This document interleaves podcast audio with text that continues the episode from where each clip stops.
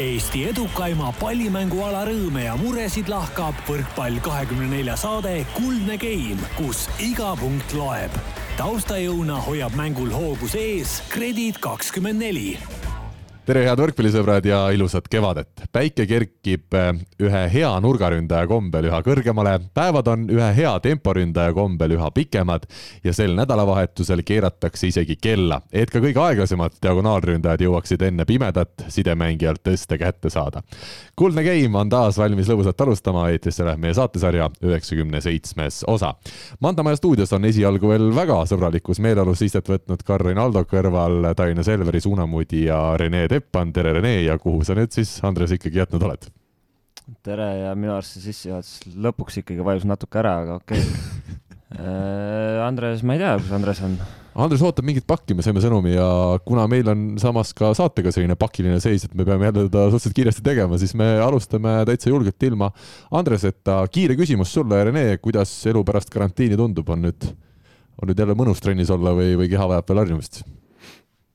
No alustame sellest, et sinna isolatsiooni jäämine ei ole mitte mingil juhul mõnus ja, ja noh, ikkagi kuskilt oleks jälle tahtnud alla hüpata, kui see uudis tuli, et ega see, siin ei ole midagi lõbusat, et pikalt sai oodatud ju neid tähtsaid mänge ja värke ja siis nad tulid ja, ja siis nad lõigati nagu keskelt lihtsalt ära, et, et ega seal mingit lõbu kui sellist ei olnud, et äh, noh, siin ei olegi midagi positiivset selles mõttes öelda, et jälle Zoomi trennid äh, istud diivani peal, tõused püsti, oled trennis järsku ja, ja siis hakkad mässama, et noh, see, see ei ole fun ja, ja, ja ütleme, tulevikus tegelikult ka järgmist hooaega silmas pidades kindlasti mingisugune mõtlemise koht äh, võib-olla Võrkpalliliidul ka, et kuidas neid asju nagu toimetada, et et ma, ma küll ütlen, et oleks edasi pannud rahulikult, et, et ühe mängija puudumisel ikkagi päris, päris nagu seisma asja jätta on, on natuke nukker, noh, teisest küljest jah, väga, väga tore, et me ikkagi saame teha seda edasi, seda sporti ja kõike, aga, aga ikkagi, et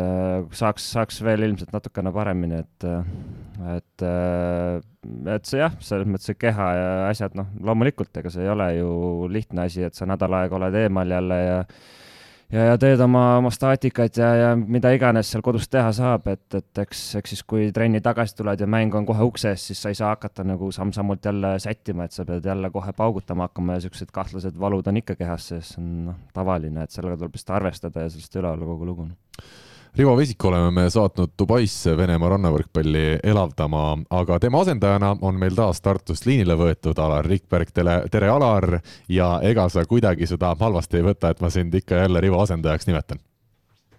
ei võta, kuigi viimane kord, kui me Rivoga olime saates, siis äh, olin ma ju Rene ja Andrese asendaja, nii et teeme nii, et ma lihtsalt olengi asendaja. sa oled nagu libero, et sa tuled tagaliinis alati mängu kellegi asemel, kes parasjagu ei saa nagu tagaliinis oma ülesannetega piisavalt hästi hakkama või? No täpselt nagu libero, et äh, tuleb justkui, aga samas on kõige tähtsam. kuidas nüüd on siis, olete te ei, see kõige tähtsam, see, see muidugi praegu lõikas meie kõrvu. aga olete te treeningute nüüd maailmameistriks saanud seal Tartus juba, kontrollmänge, ma saan aru, pidanud ei ole, finaalseeria ootab juba ees, pühapäeval hakkab pihta, vastast küll veel ei tea, aga kas nüüd trennis on tõesti juba kõik tuleb nii hästi välja, et, et enam paremini ei saagi? alati saab paremini, aga oleme õnnelikud, et meie saame trenni teha et see paus, mis tekkis, ega see mullegi ei meeldinud. ja kui sa oma kaunis sissejuhatuses ütlesid, et pühapäeval on tähtis päev, kui keeratakse kella, siis pühapäeval on ikkagi tähtis päev eelkõige seetõttu, et algab Eesti meistrivõistluste finaalseeria mm. -hmm. ja seda päeva me oleme päris pikalt oodanud äh, rahulikult äh, meeskonnaga nii hästi kui võimalik toimetanud, jaganud seda koormust, et ühelt poolt oleks värskus, teiselt poolt oleks vorm ja eks siis, kui mängud pihta hakkavad, siis näeb, aga noh, paus on tõesti pikk ja, ja midagi teha ei ole, tuleb see ära kannatada ja olla tänulik selle üle, et me üldse mängida saame. kuule, aga sa sellepärast ei muretse, et kui nüüd seda kella keeratakse edasi tunni võrra, et sul mõni mees tuleb nagu tund aega liiga hilja sinna mängule, et kui ütleme null-null hakkab mäng, siis võib-olla mõni mees siseneb viiskümmend üheksa saali ja ütleb, et, et ma nüüd olen ka kohal pigem äh, on mul üks teine mure, et äh, kunagi päris ammu sai see ajakava paika pandud ja hommikul kella kümnene trenn pandud. aga kuna me reede õhtul, laupäeva alguses pidime õhtul päris hilja treenima, siis ma mõtlesin, et äh, kella keeramine, et võib-olla on see häda, et ma, ma liiga varajaseks selle trenni aja sättisin, aga kuna nüüd korvpallurid nii-öelda ulatasid abikäe, ehk siis võtsid meie trenni aja käest ära, kuna korvpalluritel on ka mängude ümbertõstmisega palju segadusi siis treenime varem ja ma loodan, et mehed saavad piisavalt üles, et siis ütleme kehakella järgi hakkame juba kell üheksa hommikul trenni tegema. Selge, aga üks mees, kellel ka tundub siin kella keeramisest, kella ei ole vaja keeratagi, juba on probleemid majas, on jõudnud stuudiosse. Andres Toobal paneb parasjagu, oota, mis sa panid laua peale, ma vaatan nii maski äh,, autovõtmed, rahakoti, sealt on viie oh,, viiesajased vaatavad vastu lausa sealt vahelt. Ja telefoni, tere, Andres! No,. tere, tere me saime aru, et ikkagi elus tuleb sul vahel asju, et, et ega see saade ei olegi nüüd esmatähtis sinu jaoks ei on küll, aga on kõik ikka. muud asjad tahavad ka toimetamist ja jube närvi jääb närvi jääb, aga said sa tehtud? sain tehtud jah, läbi, läbi vaeva. ma ütlen, et äh, sisuliselt äh, sa tegid isegi Rivole ära. Rivo eelmine nädal jäi minu arust kakskümmend minutit saatesse hiljaks, aga, aga sul oli täna kakskümmend kuus, kui me vaatame puhtalt seda aega, mis meil lepitud oli noh, siis ju peaaegu päris äh, õigel ajal aga minul selle vastu midagi ei ole, mul on hea, vähemalt meil olid mehed, osad olid olemas, me saime alustada täitsa ilusasti, küll natuke hiljem plaanitust, aga, aga kõik on hästi. kuidas sinul nüüd treeneri tunnetus, kas see ka kümne päevaga eneseisolatsioonis kadus vahepeal ära või, või see nagu on kogu aeg olemas? ei, see vast niimoodi nüüd äragi ei kadunud, aga, aga jälle teistmoodi sellisesse rolli pani nii-öelda video vahendusel. nii, sa pidid läbi viima neid või? Ja mõned trennid siin sai läbi viidud jah, et ähm, ja ise päris kõvasti tehtud trenni oh., et ähm, praegult on niisugune väsimus veits isegi et aga jah, ta on natuke teistsugune roll ja, ja nüüd katsub, katsub sellest välja saada. kuule, kiire küsimus, me oleme siin teistega kokku leppinud, meil on väga palju täna teemasid ja, ja aega jälle piiratult, siis äh, me ei, ei väga põhjalikult kõike ei, ei sedasi, kõigele ei peatu, aga mida mõlemad treenerid, nii Kalmasiidis kui ka Vassiljev siin äh, Selveri ja, ja Saaremaa osas siis ütlesid, et, et mitte isegi see pallitunnetuse leidmine ei ole pärast kümnepäevast äh, isolatsiooni see kõige võib-olla võtmekoht, vaid see, et, et see hüpe kuidagi tagasi tuleks. kas Andres, sa oled nagu treenerina seda ka siin juba mõnes äh, trennis näinud, mis te nüüd pärast seda isolatsiooni olete teinud, et see hüpe ei tulegi kohe nii tagasi? ma ei oskagi öelda selle hüppe kohta või kuidas nad seda täpselt mõtlesid, et mina alati pigem arvan seda, et, et see maast jalgu saab lahti küll, aga, aga kuidas see mõjub sellele, et need põrutused tagasi, et, et ega tihtipeale ega sellest hüppamisest endast, kui sa seal õhus oled, sealt vigastusi ei teki, tekib ikka see maa, tagasi maandumisel, et et kuidas, kuidas see nagu äh, raputab uuesti neid lihaseid läbi ja mismoodi liigesed need, äh, seda koormust nagu uuesti vastu hakkab võtma, et siin sa võid seal Zoomis ja igal pool teha neid äh, väikseid siukseid hüppeid asju ikka, aga, aga mängu sees äh, siuksed enam-vähem sada protsenti hüpped ja pärast seda maandumised natuke võib-olla erinevates asendites ka, et kuidas see nagu lõplikult välja lööb, et osadel meestele see ei mõju eriti midagi, osadel võtab väga kangeks ja, ja ja tahab saada ikkagi niisugust paari-kolme-nelja päeva, et sealt hakata uuesti välja tulema, aga aga jaa, igal juhul, eks see on rohkem praegu siin mitte pallitunnetuse asi, vaid kuidas meeskond uuesti saab nii-öelda ühtse rusikana nagu uuesti mängima, et, et pigem, pigem asi on selles. kõik mehed on täna Selveri trennis? Äh, jah. kedagi ei ole puudu, jah? Selge. ütleme siis ära ka, et me lindistame taas teisipäeva pärastlõunal saadet, aga kolmapäeval, mil teie, head võrkpallisõbrad, meid kuulate, jätkub siis Grade kakskümmend neli Eesti meistrivõistluste poolfinaalseeria Tallinna Selveri ja Saaremaa võrkpalliklubi vahel kell üheksateist null null.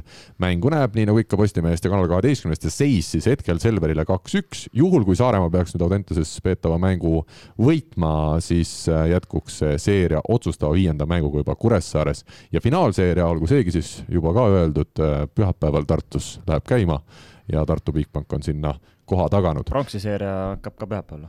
Äh, see, jaa, see on nüüd küsimus.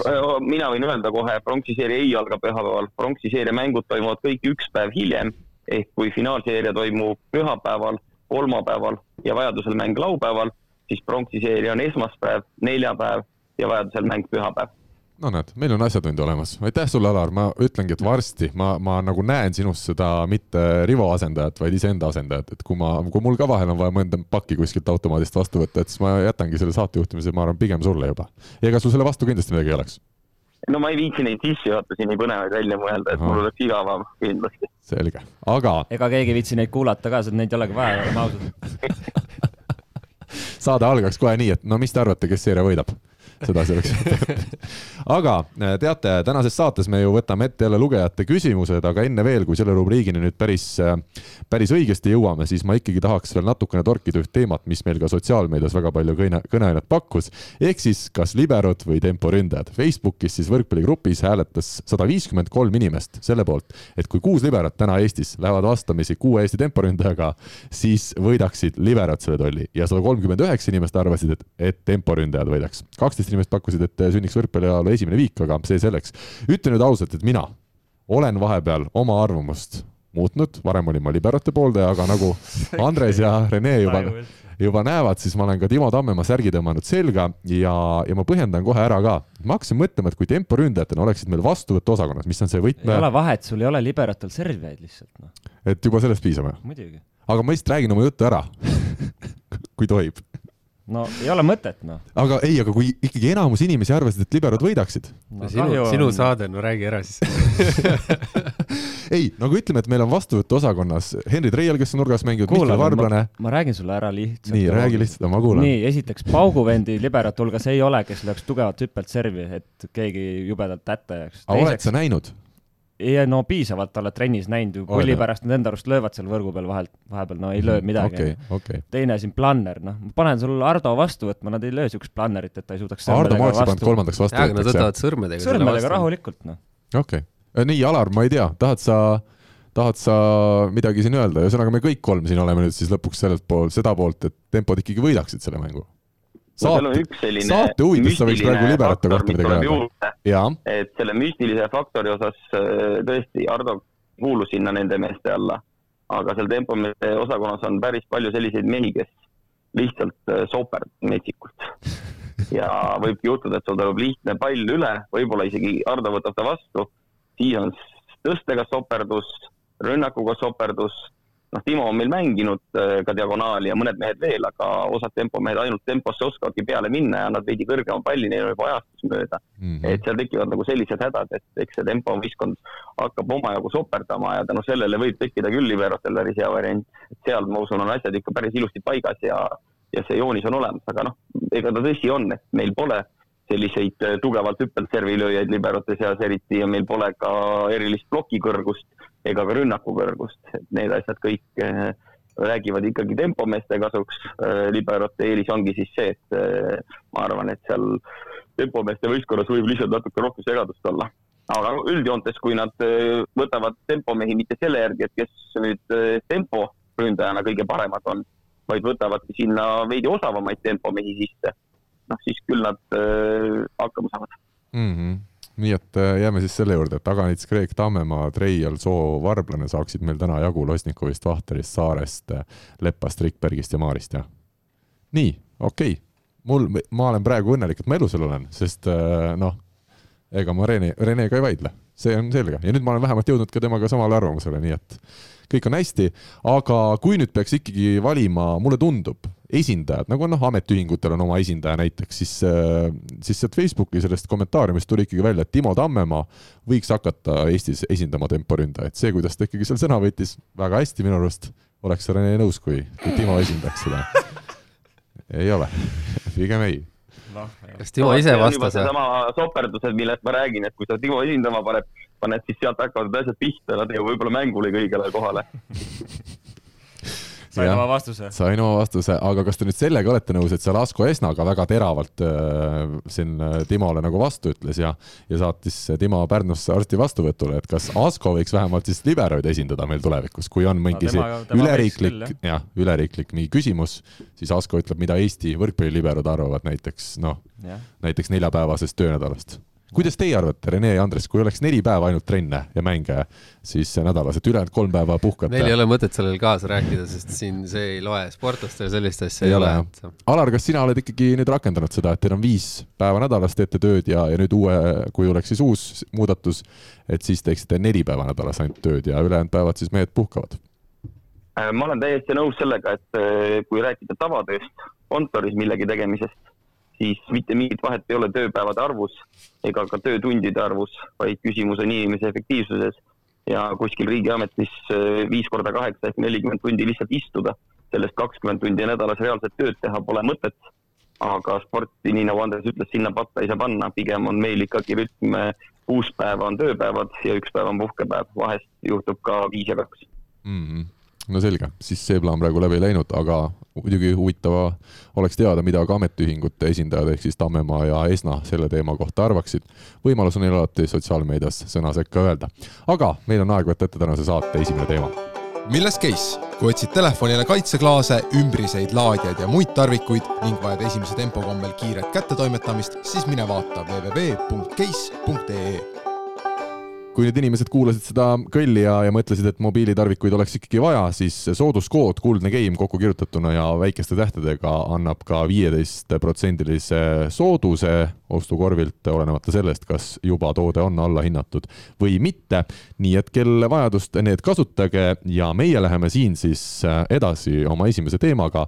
ei alusta me tihti oma saadet naiste võrkpallist, aga täna seda hea meelega teeme, sest nädalavahetusel tehti algust Eesti meistrivõistluste play-off'i ehk poolfinaal finaalidega. tuletame siis meelde ka, et Raivo Jeenase juhendatav Võru naiskond võitis põhiturniiri viimases mängus kolm-üks Tallinna Ülikooli, mis tähendas, et ainsana jäi poolfinaalis tänavu välja Sten Esna juhendatav Tallinna Ülikool. Oli neilgi siis viimase mänguni veel võimalus, aga et see mäng kaotati, siis jäädi tänavu viiendale kohale. aga poolfinaalides tundub, et küsimust, kas ei tekigi, TalTech Treidhouse nädalavahetusel võitis kolm-null Audentest ja Tartu Ülikool Bigbank kolm-null Võrut. mõlemad mängud väga kiiresti läbi said, esmalt Andres, vaatan sulle otsa on see kõik nii, nagu olema peab ma arvan küll, et nii võiks olla või, või peaks olema, et, et seal ongi teatud tasemevahe sees ja, ja ja võib-olla noortel on igal juhul talt-, TalTechi vastu raske, on nad üllatanud, aga, aga hooaja lõpus siin ikkagi TalTech on olnud ikkagi suhteliselt kindel. Tartu puhul ka, et võib-olla isegi, isegi võib-olla natukene kindlamalt, kui nad siin alguses arvasid, et nad suudavad ennast mängima saada, et, et ka see äh, Balti liiga tegelikult näitas, et nad on, nad on ületusvõimelised ja, ja, ja sellistes olukordades ei, ei ole eksimusi sisse lasknud. vaata, kui veel kaks kuud tagasi minu arust tundus, et ikkagi need neli ülejäänud Eesti naiskonda peale TalTechi on suhteliselt võrdsed, siis täna küll tundub, et Tartu on jälle äh, ütleme siis oma eelmiste aastate positsiooni taastanud ja, ja hetkel siis peaks küll olema kindlasti jah, tundub küll, et jaa, et, et nad on selle kindlalt selle teise koha või ütleme, nendest kolmest kindlasti parem, et, et võtnud ikkagi, võtnud ikkagi sammu edasi, et äh, kui siin, kui siin alguse poole võis tunduda, et äh, noortekoondis äh, saab niisuguse pika sammuga edasi, siis siin eks siin vahepeal need, need niisugused lockdown'id ja, ja niisugused asjad on, on mõjunud noortele võib-olla mitte nii positiivselt, et, et see samm on, on võib-olla ütleme, jäänud, jäänud lühemaks, kui võis arvata hooaja alguse poole peale. jah, ma ütlen ka ausalt, et ma natukene võib-olla Audentset olen oodanud siin rohkemat äh, pärast seda hooaja algust, et nemad on justkui need kõige nooremad, kes peaks kõige rohkem arenema, aga samas Tartul siis Ingrid Kiisk, Eesti koondises mänginud nurgaründaja on tagasi siin hooaja keskelt, eks see andis palju sellist enesekindlust juurde. Äh, Annabel Huik äh, ja Katariina Vengerfeld on siin esile kerkinud noortest seal ka, et et ütleme, see Tartu on tänu sellele võib-olla rohkem esile tõusnud, aga mida nüüd, Alar, sina kogu selle teema peale ütled, oled sa jõudnud ka poolfinaalidega ennast kurssi viia? ja ikka ja see, kui, kas sa ise vist kirjutasid, et üks on selge favoriit ja ülejäänud e-, teisel tasemel mm, -hmm. siis ma ütleks praegu niimoodi, et selge ük, number üks TalTech, selge number kaks Tartu Ülikool Bigbank ja ütleme siis kolmas-neljas on natukene põnev, sest et Võru on üllatusvõimeline ja noortekoondis on ebastabiilne. Mm. -hmm et eh, seal võib veel isegi nagu põnevaks omavahel minna, kuigi ma arvan, et ka lõpus eh, ütleme sellise eh, vast ikka noortekoondise jõuga peaks selle prongi ära võtma. Kuigi, kui sa vaatad seda, ma isegi vaatasin Võru ja seda Tallinna Ülikooli mängu, seda internetist sai vaadata, Eliise Hollas on seal, Kaisa Pahmatšev on sidemängija, Mari-Liis Kraum on kogenud mängija, et seal tegelikult seda, just seal on hästi huvitav vaadata seda ühtpidi kogemust, Võru naiskond nagu väga ei värista ja siis teisel pool on Audentes, kes heal päeval võib väga hästi mängida, aga teine päev laguneb täitsa mäng ära. Äh, täpselt nii ta ongi. Ja sellepärast ma arvangi, et see on äh, noh, kindlasti selline võrdne seeria, aga noh, miskipärast mulle tundub, et tõesti noori on ju seganud neid, äh, need lockdown'id päris mitmel korral sel hooajal. et kui nad nüüd saaksid hea, hea rütmis lõpuni panna, küll nad siis oma hea mängu üles leiavad ja noh, kasvõi seesama poolfinaalseeria, naistel ikkagi mängitakse viiest parem, mis tähendab, et nad saavad vähemalt kolm mängu TalTechiga alla, et küll sealt ka see kokkumäng ja enesekindlus natuke kasvab, isegi kui nad need mängud kaotavad. Jah, et, et just noorte, noorte puhul ongi see, see niisugune järjepidev ja nagu iga aasta oleme näinud tegelikult nii, nii poistel kui tüdrukutel, siis, siis hooaja lõpuks ikkagi suudetakse paremini mängida päris palju kui hooaja alguses ja ja selles mõttes on natukene jälle eriline aasta, kus, kus on mitmed korrad jäänud tegelikult see nende selline treeningtsükkel nagu pooleli ja, ja, ja oli näha ka, et osad tüdrukud ei tulnud päris nii kiiresti sellest endal läbi põetud sellest viirusest nii hästi välja ka, et seal, seal ikka osadel võttis aega, et, et tulla normaalsesse spordirütmi tagasi, et see ei olnud lihtne ja ma arvan, niisugusele noorele võistkonnale niisugused mitmed, mitmed korrad jääda jälle koju, mitte korralikult trenni teha ja siis uuesti kokku saada ja, ja hakata tegelikult noh, mitte päris nullist, aga ikkagi kaugelt uuesti pihta, et ega see lihtne ei ole, aga, aga jah, ma arvan ka, et see saabki just niisugune äge heitlus olema, see ma arvan, kolmas-neljas koht, mis tõenäoliselt nende puhul tuleb seal Võru vastu, kus siis niisugune kogenud ja, ja võib-olla rahulikult teevad oma asja või siis niisugune hästi emotsionaalne ja ja hästi niisugune suurte tõusude mõõnadega äh, ka, kas hästi või, või ei tule üldse, et, et see saab tegelikult omamoodi äge duell olema karm oli siis see, et Tallinna Ülikooli jaoks saigi hooaeg eelmisel nädalal, kus see mäng vist peeti teisipäeval, ehk siis kuusteist märts juba läbi, et nüüd tuleb noh, üle poole aasta pausi naistele, kes seal meistriliigas siis viiendas klubis mängivad. see on ühtpidi karm, aga, aga teisalt selline on meil tänasel päeval seis nüüd äh, kolme võiduni see, need poolfinaalseeriad ju peetakse, esimesed mängud alles mõlemas äh, seerias siis mängitud ja, ja teine mäng kolmapäeval ehk täna, millele teie meid kuulajad kuulate, äh, aset leiab mõlemas seerias, aga kui mõelda tõesti, et Tartu ja TalTech peaksid finaali pääsema, siis, siis justkui vaatad Tartu mängu kohati ja tundub, et sealt võiks jälle midagi tulla, samas see sama Balti liiga poolfinaal nende naiskondade vahel ja, ja ka ütleme, TalTech esitus siin Audentese vastu, võtame Kadi Kullergann, Ette Peit, rünnaku liidrid, see protsent on rünnakul regulaarselt regulaarselt üle kuuekümne viie, et äh, no ikkagi vist äh, noh, seda on väga keeruline teha, et TalTech, TalTech on täna jätkuvalt väga hea. ütleme nii siis jah ja,, nii on. Aga äh, Eesti võrkpalli rahvusnaiskond alustab siis aprillis ettevalmistust Euroopa meistrivõistluste valikmängudeks kohe, kui Eesti meistrivõistluste finaalseeria läbi saab, sisuliselt minnakse edasi siis ja peatreener Lorenzo Micheli valis välja kakskümmend kuus mängijat. Ja lisaks siis A-koondisele on meil ka selline B-koondis töös, Max Bruini seal koos Marko Metiga, kes aastase pausi järel on tagasi koondise juures, siis selle B-koondisega tegelevad, miks ma seda üldse välja toon, on siis see, et eelmisel aastal meil päris sellist konkreetset nimetust nagu B-koondis ei olnud, kuigi seal mingitel hetkedel noored käisid, eks ole. jah, oligi eraldi tehtud mõned sellised äh, nädalased või siis po poolteist nädalat ja, ja sellised erinevad treeninggrupid, erinev vanuseklass ka, et nad käisid seal äh, samal ajal, kui, kui naistekoondis tegi trenni, siis, siis samal ajal Max tegelikult nendega tegeles enne meie trenne ja nii edasi, et et nad, neil oli ka samamoodi nagu niisugune, ütleme, laager, aga lihtsalt neil oli natuke lühendatult ja, ja vahepeal need grupid vahetusid koos, koos treeneritega, et et mingi selline väike ülevaade ka neile, mida, mida teeb naistekoondis ja natuke põnevam ka elada samas hotellis või vähemalt käia söömas koos ja nii edasi, et eks, eks see on noortele ka natukene niisugune motivatsiooni pakkuv.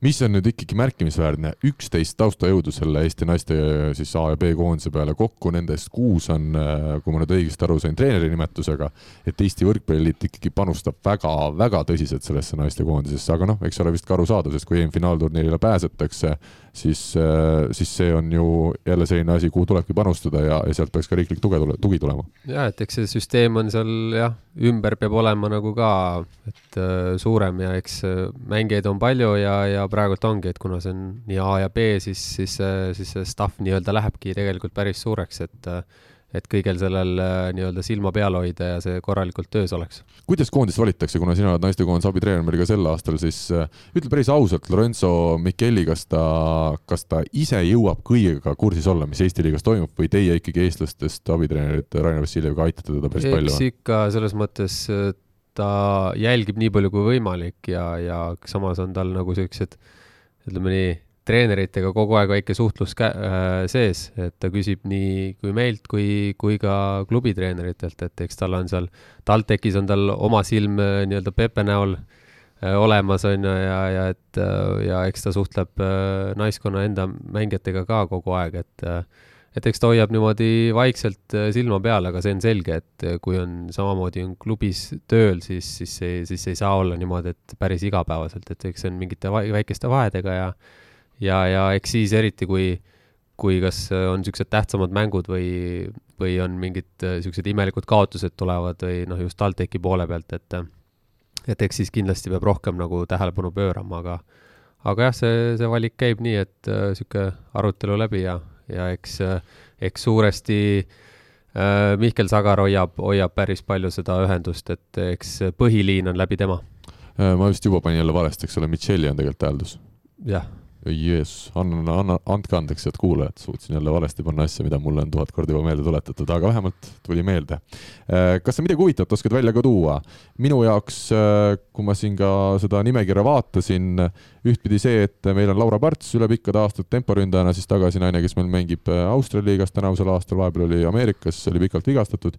Jade Šedeiko on nüüd temporündaja kohale liigutatud siis diagonaalist ja vähemalt ta enda sõnul seal tempos tuleb tal ka väga hästi välja, nii et ütleme, huvitavat, mida vaadata, on siin, ma usun, nii mõndagi. Anna Kajalinat meil koondises ei ole, ma arvan, see enam mitte kuidagi ei üllata ja kuuldavasti ta ka võrkpalliga enam tõsiselt ei, ei tegele Ingrid Kiisk juba ainus nimi, mis minu jaoks oli natuke üllatus, et tema jäi koondisest välja just kakskümmend kuus mängijat päris palju, kas seal oli mingi omavaheline teema treeneriga või? eks nagu selles mõttes, et raske hooaeg äh, tal endal selja taga ka ja, ja, ja praegult oli selline valik, kus, kus võib-olla sai, sai keegi teine äh, äh, nii-öelda. ütleme, nurgas on konkurents meil ka naistel päris korralik. on, on korralik ja, ja ega, ega ongi, et see hooaeg tal oli igatepidi keeruline, nii erinevad positsioonivahetused kui ja, ja igal juhul on see isegi kui seal on uued nimed, siis äh, selge on see, et äh, väga kiiresti tuleb EM-kvalifikatsioon peale ja, ja ega seal väga palju aega ei ole, et äh, uuesti nagu saada mingisse üliheadesse vormidesse, et see, see peab tulema siit juba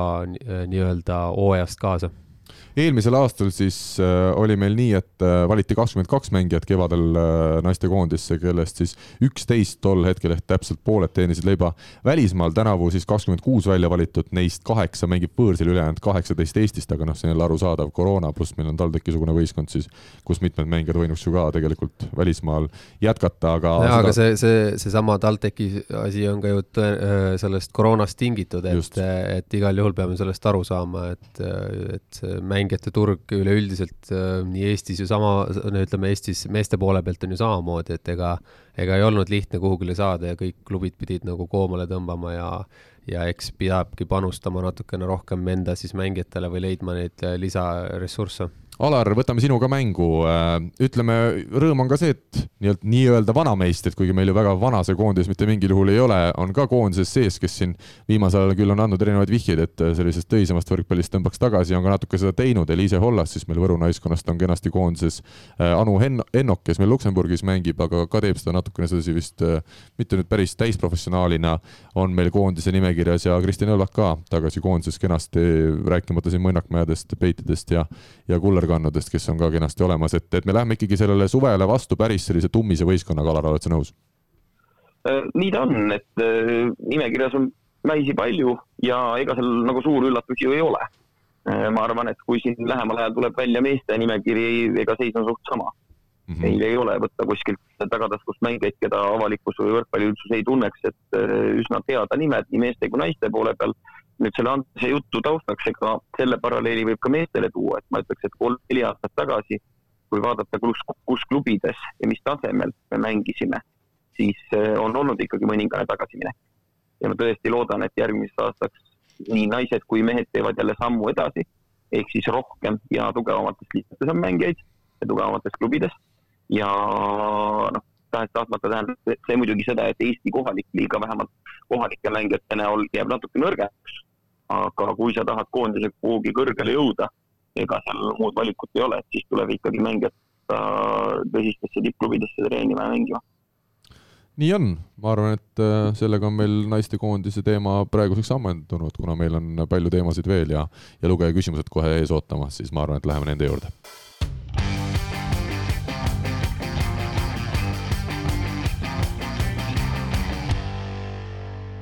Poola meistrivõistlusel pidas siis veerandfinaalseeria avamängu Robert Tähe ja Timo Tammemaa koduklubi Ržessovi Asseko Rezovia, kes alistus Rene Teppani, endisele tööandjale Belhatovi Skrale üks-kolm, edasipääsuks on siin siis vaja vaid kahte võitu, nii et Belhato juba ühe jalaga on tõmmanud ennast finaali, aga teine on vaja veel järgi tõmmata. kas Rene, oled õnnelik, et endine koduklubi hästi esines või teades asjaolusid, siis pigem mitte?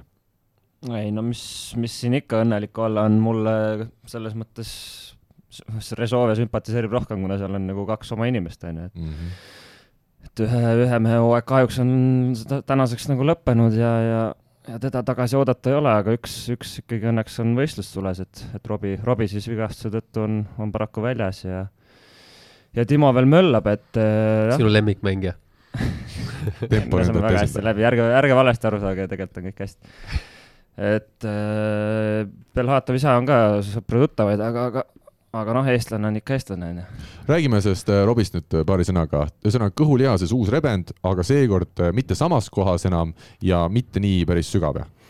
nojah, et kui oli kaks pool senti es esmakordselt, siis, siis täna on poolteist, et võib idee poolest natuke lühem nii-öelda võib-olla taastumisperiood, aga teisest küljest jah, eks muret tekitav ikka nii teistele kui talle, talle endalegi, et, et ma arvan küll, et see on omavahel kuidagi seotud ja, ja ja, ja ma selles mõttes ei usu, et ta liiga vara tagasi tuli, sest et niigi pikenes tal see, eks ole, natukene? tal, tal niigi natuke pikenes jah, ja, ja, ja aga lihtsalt pigem asi on selles, et äh, hooaja staadium oli juba sealmaal, kus natuke sarnaselt ka meile, et ka meie nii-öelda oli, puhkasime nii-öelda jutumärkides nädal aega, aga samas, kui sa tuled tagasi, siis sa lähed kohe täistonniga peale, et sama oli ka tal, et et võib-olla, võib-olla jah, noh, Itaalia kool ja natuke teades treenerit, siis ilmselgelt äh, seal nagu järeleandmisi ei tehta ja seal nagu peavad need füsioterapeudid natukene kivisüdamega seal natukene nii-öelda kaarte segama ja, ja peatreenerit hurjutama, et võtame nüüd ikkagi natuke rahulikult, et noh, eks Robbie on teada-tuntud tulipea ise ka, et ega ta ta ka, ütleme, kui tunneb ennast hästi, siis ta läheb ja paneb, on ju, et ega tegelikult on teda ennastki natuke vaja tagasi hoida, aga, aga jah, paraku siis, siis seekord nii, tegelikult ta sai tegelikult ta sai päris heasse vormi jälle ja, ja iseenesest äh, hooaja lõpp tundus päris, päris äh, helge talle sellest seisukohast, et, et aga, aga jah, see jama, jama vist tekkis ka seal sõprusmängus põhimõtteliselt viimasel punktil, nii et eriti ebaõnnestunud värk. et selles mõttes sportlase elu on päris, päris karm vahest, et mm äh, jah minu küsimus nüüd Alarile, kuna sina oled meil meestekoondise siis abitreener jätkuvalt, et äh, mis sa arvad, kui pikaks see mängupaus võib seekord venida ja, ja kas sa arvad, et see mõjutab nüüd ka Euroopa kuldliiga seda kevadist perioodi, mis meil koondisel on ees ootamas enne seda kodust finaalturniiri siis EM-il sügisel? mul on olnud sellesama vigastusega paar kogemust, mitte isiklikku, aga mängijad siis. esimene oli Mateusz Malinovski Lubinis, kes sisuliselt kaotas kaks hooaega oma karjäärist ja teine siis oli Šeržen, Rešovia nurgaründaja, kes juba siis kolm hooaega tagasi oli Rešovias, vahepeal ta käis küll teises Poola klubis ära, nüüd on jälle tagasi. temal jäi sisuliselt terve hooaeg vahele. see, mida Rene ütles, me ikkagi jõuga hoidsime teda paar-kolm nädalat kinni, et kõik on korras, aga ära veel tule. ja isegi see ei aidanud. see on hästi vastik vigastus, mis rändab mööda keha või õigemini siis kõhupiirkonda, nagu see oleks Tootsi ist ja tulebki ühes kohas, teises kohas, vahepeal on see nii-öelda vigastuse ulatus sentimeeter, vahepeal on ta millimeeter, vahepeal on ta kolm sentimeetrit, et ta on äraütlemata ebameeldiv ja siin on üks väga selge ja loogiline tulevikustsenaarium Robbie jaoks.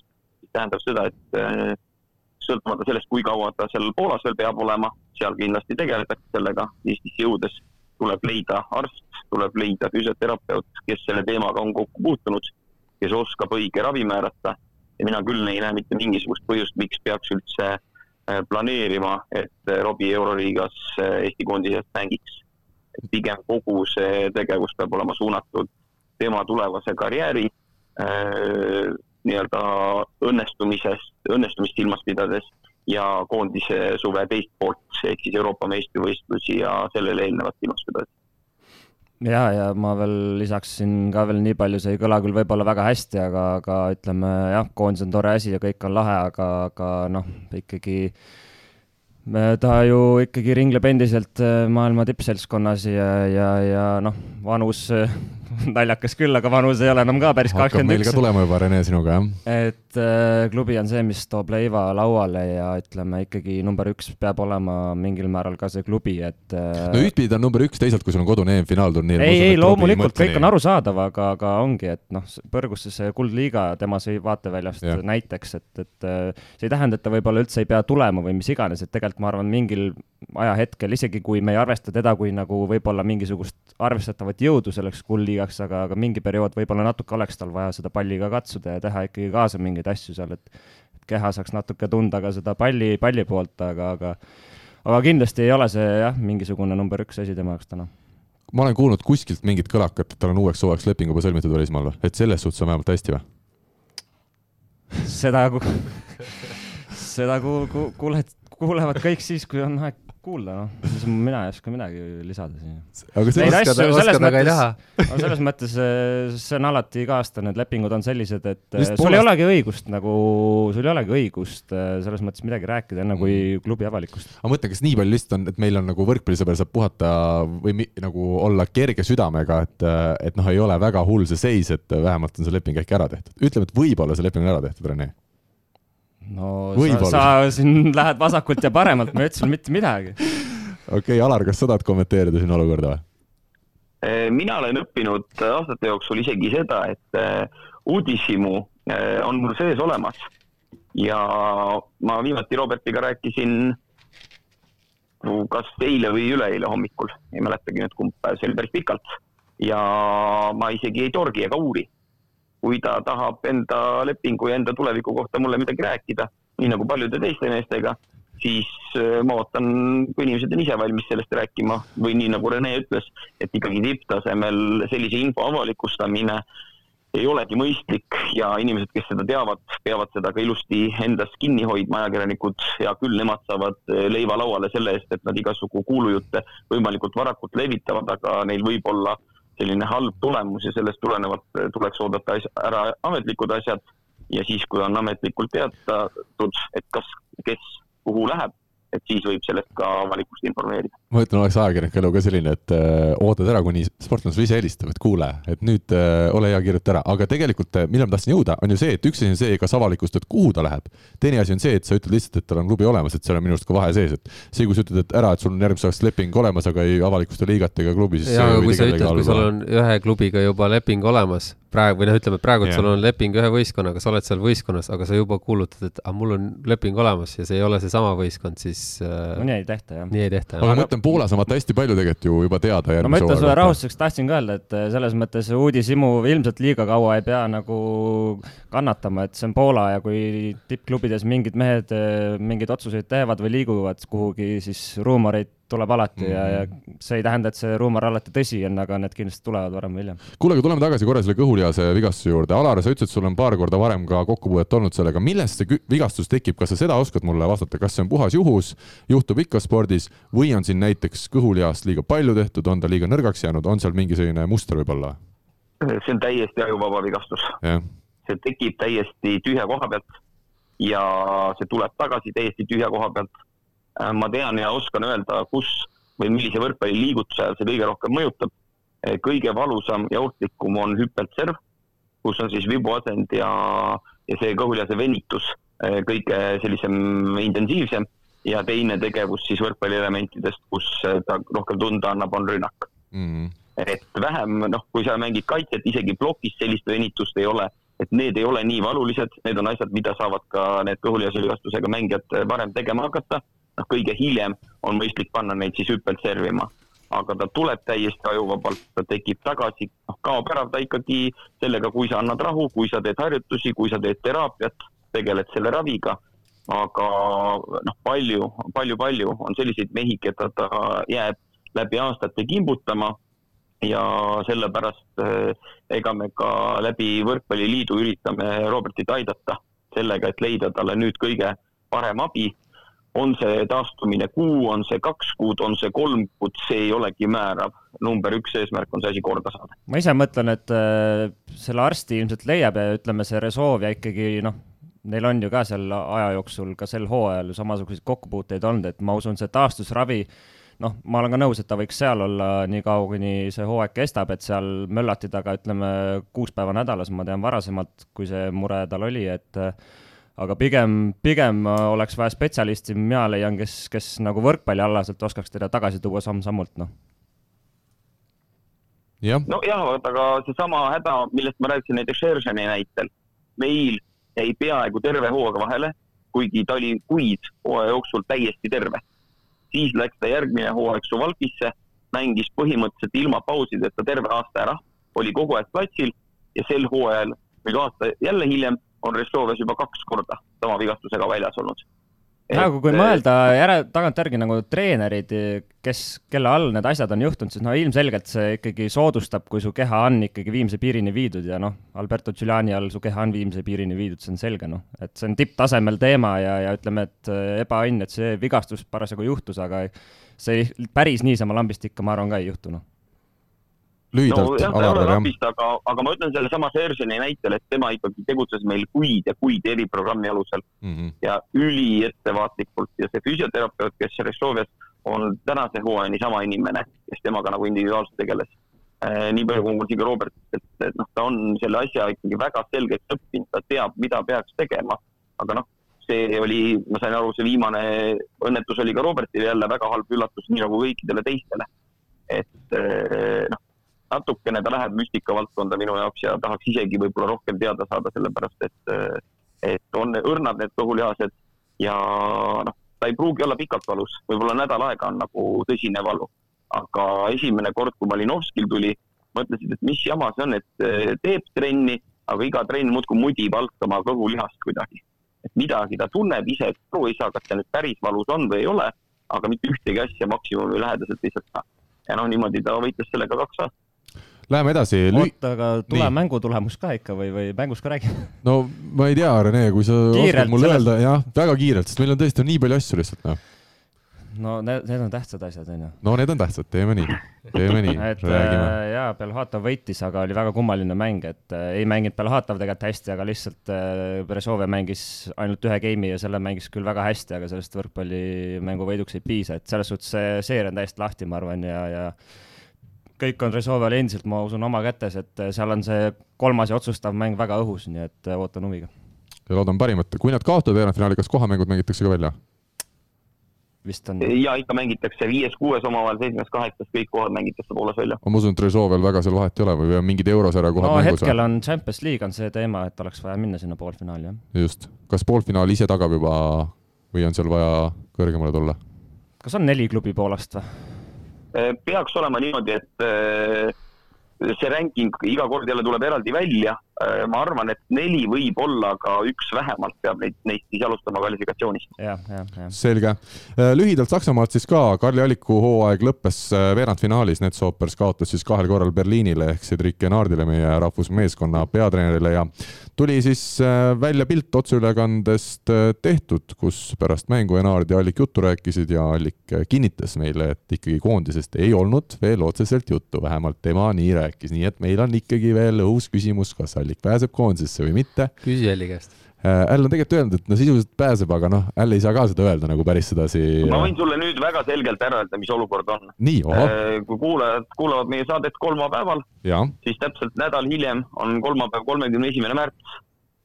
ja kolmekümne esimene märts on see päev, kui tuleb äh, avalik info, saavad ajakirjanikud küsida kommentaare koondise peatreenerilt alaliit korraldab selle kuidagi, ma nüüd täpselt ei tea, kas eelsalvestusega või igatahes videosillal ära. Ja nädala pärast on kogu rahvusmeeskonna nimekiri avalik. selge, jälle ei saa ajas ette rutata, üritame küll, mis me üritame, aga jälle jääb info salajaseks aga proovime selles teadmises elada. Äh, mis on nüüd huvitav, on see, et Mart Juhkem ja Friedrichshafen alustasid siis juba ka poolfinaalseeriat Lüneburgi vastu. avamängus jäädi null-kaks kaotusseisu, Juhkemi vahetati välja, väga kehvasti esimeses kahes skeemis Juhkemi tegutses, kaks punkti miinus kaks seal, neli rünnakuviga näiteks äh, ise tegi ja, ja tuli siis teine mees asemele ja Friedrichshafen rabeles sellest kaotusest välja, kolm-kaks võeti mänge, et seal siis ka kahe võiduni see seeria peetakse, siis oli ikkagi äärmiselt oluline see esimene mäng juba ära võtta ja, ja Juhkem ja Friedrichshafen, kelle meistrite liiga hooaeg, me teame, sai väga kurva lõppu, kui lihtsalt karantiini tõttu ei saanud äh, meeskond seal teises mullis osaleda, siis on äärmiselt oluline ikkagi finaali pääseda, eks ole. no ja natuke vaatasin seda mängu ka, et see oli sihuke noh, Freeshaft selles mõttes täitsa oma sisu, et äh, alguses võib-olla see alg-, esimesed jah, esimene game eriti ei olnud nagu väga, väga midagi sealt positiivset, aga, aga, aga samm-sammult nagu elati mängu sisse ja ütleme Äh, kolmas game võideti, neljandas natuke juba murti ja noh, viies oli niisugune vormistamine, et ega seal järgmine mäng tuleb niisugune suht kiire, ma arvan, kolm, kolm-üks maksimum, kolm-null pigem pakuks. aga meil need äh, nurgaründajad natukene ikka kipuvad lagunema praegusel hetkel, et Juhkami ka tunnistas, et see õlaprobleem, no mis on tulnud ka sellest suuresti sellest koormusest, mis on tänavusel hooajal peale pandud, et äh, segab ja ja ta ütles, et ta ei tea, kas ta üldse teises mängus äh, saab kaasa lüüa, et äh, kindel on see, et kui nüüd peaks finaali pääsema ja ikkagi kulla eest mängitakse ja, ja kui isegi siin poolfinaalseerias läheb väga nugade peale, siis äh, valuvaigistid alla ja, ja tuleb need mängud ära pidada, aga noh, jälle koondise suve nagu mõtled, siis. no aga samas koondise suve mõeldes praegust on õige aeg vigastada saada nii-öelda, naljaga pooleks ja. muidugi siis jõuab taastuda koondine. õige vot, mõtleme niipidi. seda me ei soovi loomulikult, et äh, eks, eks hooaja tähtsad mängud ja, ja seal on nii klubi edu kui isiklik edu, järgmise aasta lepingud mängus, kõik jutud, et eks pannaksegi valuväistada, kui vaja on ja siis, siis ikkagi mingil määral peab remontima ka koondist midagi teha. nii, aga välismaa teemadel jätkame. Champions League, jah? ja, ja, ja. meil on põhimõtteliselt nii, et iga saatega Rene üha rohkem võtab selle teemade valiku ja saatejuhtimise enda peale ja no aga me tuleme kohe Champions League'i juurde, enne ma ütlen ära, Soome naiste meistriliigas siis peafavoriit favorit Kangasala võitis esimese poolfinaalmängu Kuusamaa vastu kolm-null ülikindlalt, siis oli võistkonnas koroonajuhtum ja liiga ütles, et teie hooaeg äh, Kangasala naised on nüüd sellega lõppenud. et oli ikkagi kokku lepitud, et erinevalt Eestist, kus meil siis meistriliigas koroonajuhtum tähendas seda, et lükati edasi seda poolfinaalseeriat, siis Soomes oli väga karm ikkagi ja Kangasala kogu hooaega domineerinud naiskond ja põhiturniiri võitja hooaeg läbi ja, ja meistritiitlist jälle suu puhtaks päris karm. no Soomes on see, et ma rääkisin Oliver Lüütsepaga, et äh, tehti korrektselt, et ei olnud nüüd üllatus, et koroona tuli ja teeme otsuse, vaid otsus oli palju varem ära tehtud. kui juhtub, siis järgneb see ja selle poole pealt on see aus. loomulikult sportlikust printsiibist on see ääretult suur ebaõnn ja ääretult ebaaus, aga kui reeglid on klubide endi vahel niimoodi kokku lepitud, siis tagantjärele ei ole nagu midagi nutta. üks asi, mis jäi sul küll nüüd rääkimata oli vahepeal see, et äh, me rääkisime küll Friedrichshafenist ja teine, teine poolfinaalseeriast, aga teine poolfinaalseeria, kus siis äh, on olukord väga põnev, sellepärast et äh, üks noh, ütleme number üks või kaks tiitli pretendent Berliin on väga kehvas seisus praegu. jah. Tundus, et on väga heas seisus, ütleme siin vahepeal nagu oldi augus ja, ja siis tundus, et need Champions League'i mängud nagu andsid uue hingamise, päris selles mõttes äh, viisakalt tegutseti Trento vastu küll jah, kindlalt saadi kotti, aga, aga ei saadud nagu häbiväärselt, et võideldi lõpuni ja seal nii mõnigi game läks nagu suhteliselt sinna lõpukanti, aga, aga, aga jah, ütleme see Tüüren on niisugune pullsats, kui nii-öelda, et seal on selliseid vana, vanu kalu sees ja, ja, ja nendega kindlasti ei ole lihtne, et äh, natukene kannatus katkeb, siis, siis võib tuppa tulla küll ja tuli ka. kas siin Aardil on mitmeaastane leping praegu veel nagu järgmiseks hooajaks ka näiteks või tal on kõik siin äh, juuksekarva otsas või? Alar, sa tead? teades, korra segan vahele, teades seda presidenti, siis ei ole kellelgi seal kindlad lepingud. nii, Alar?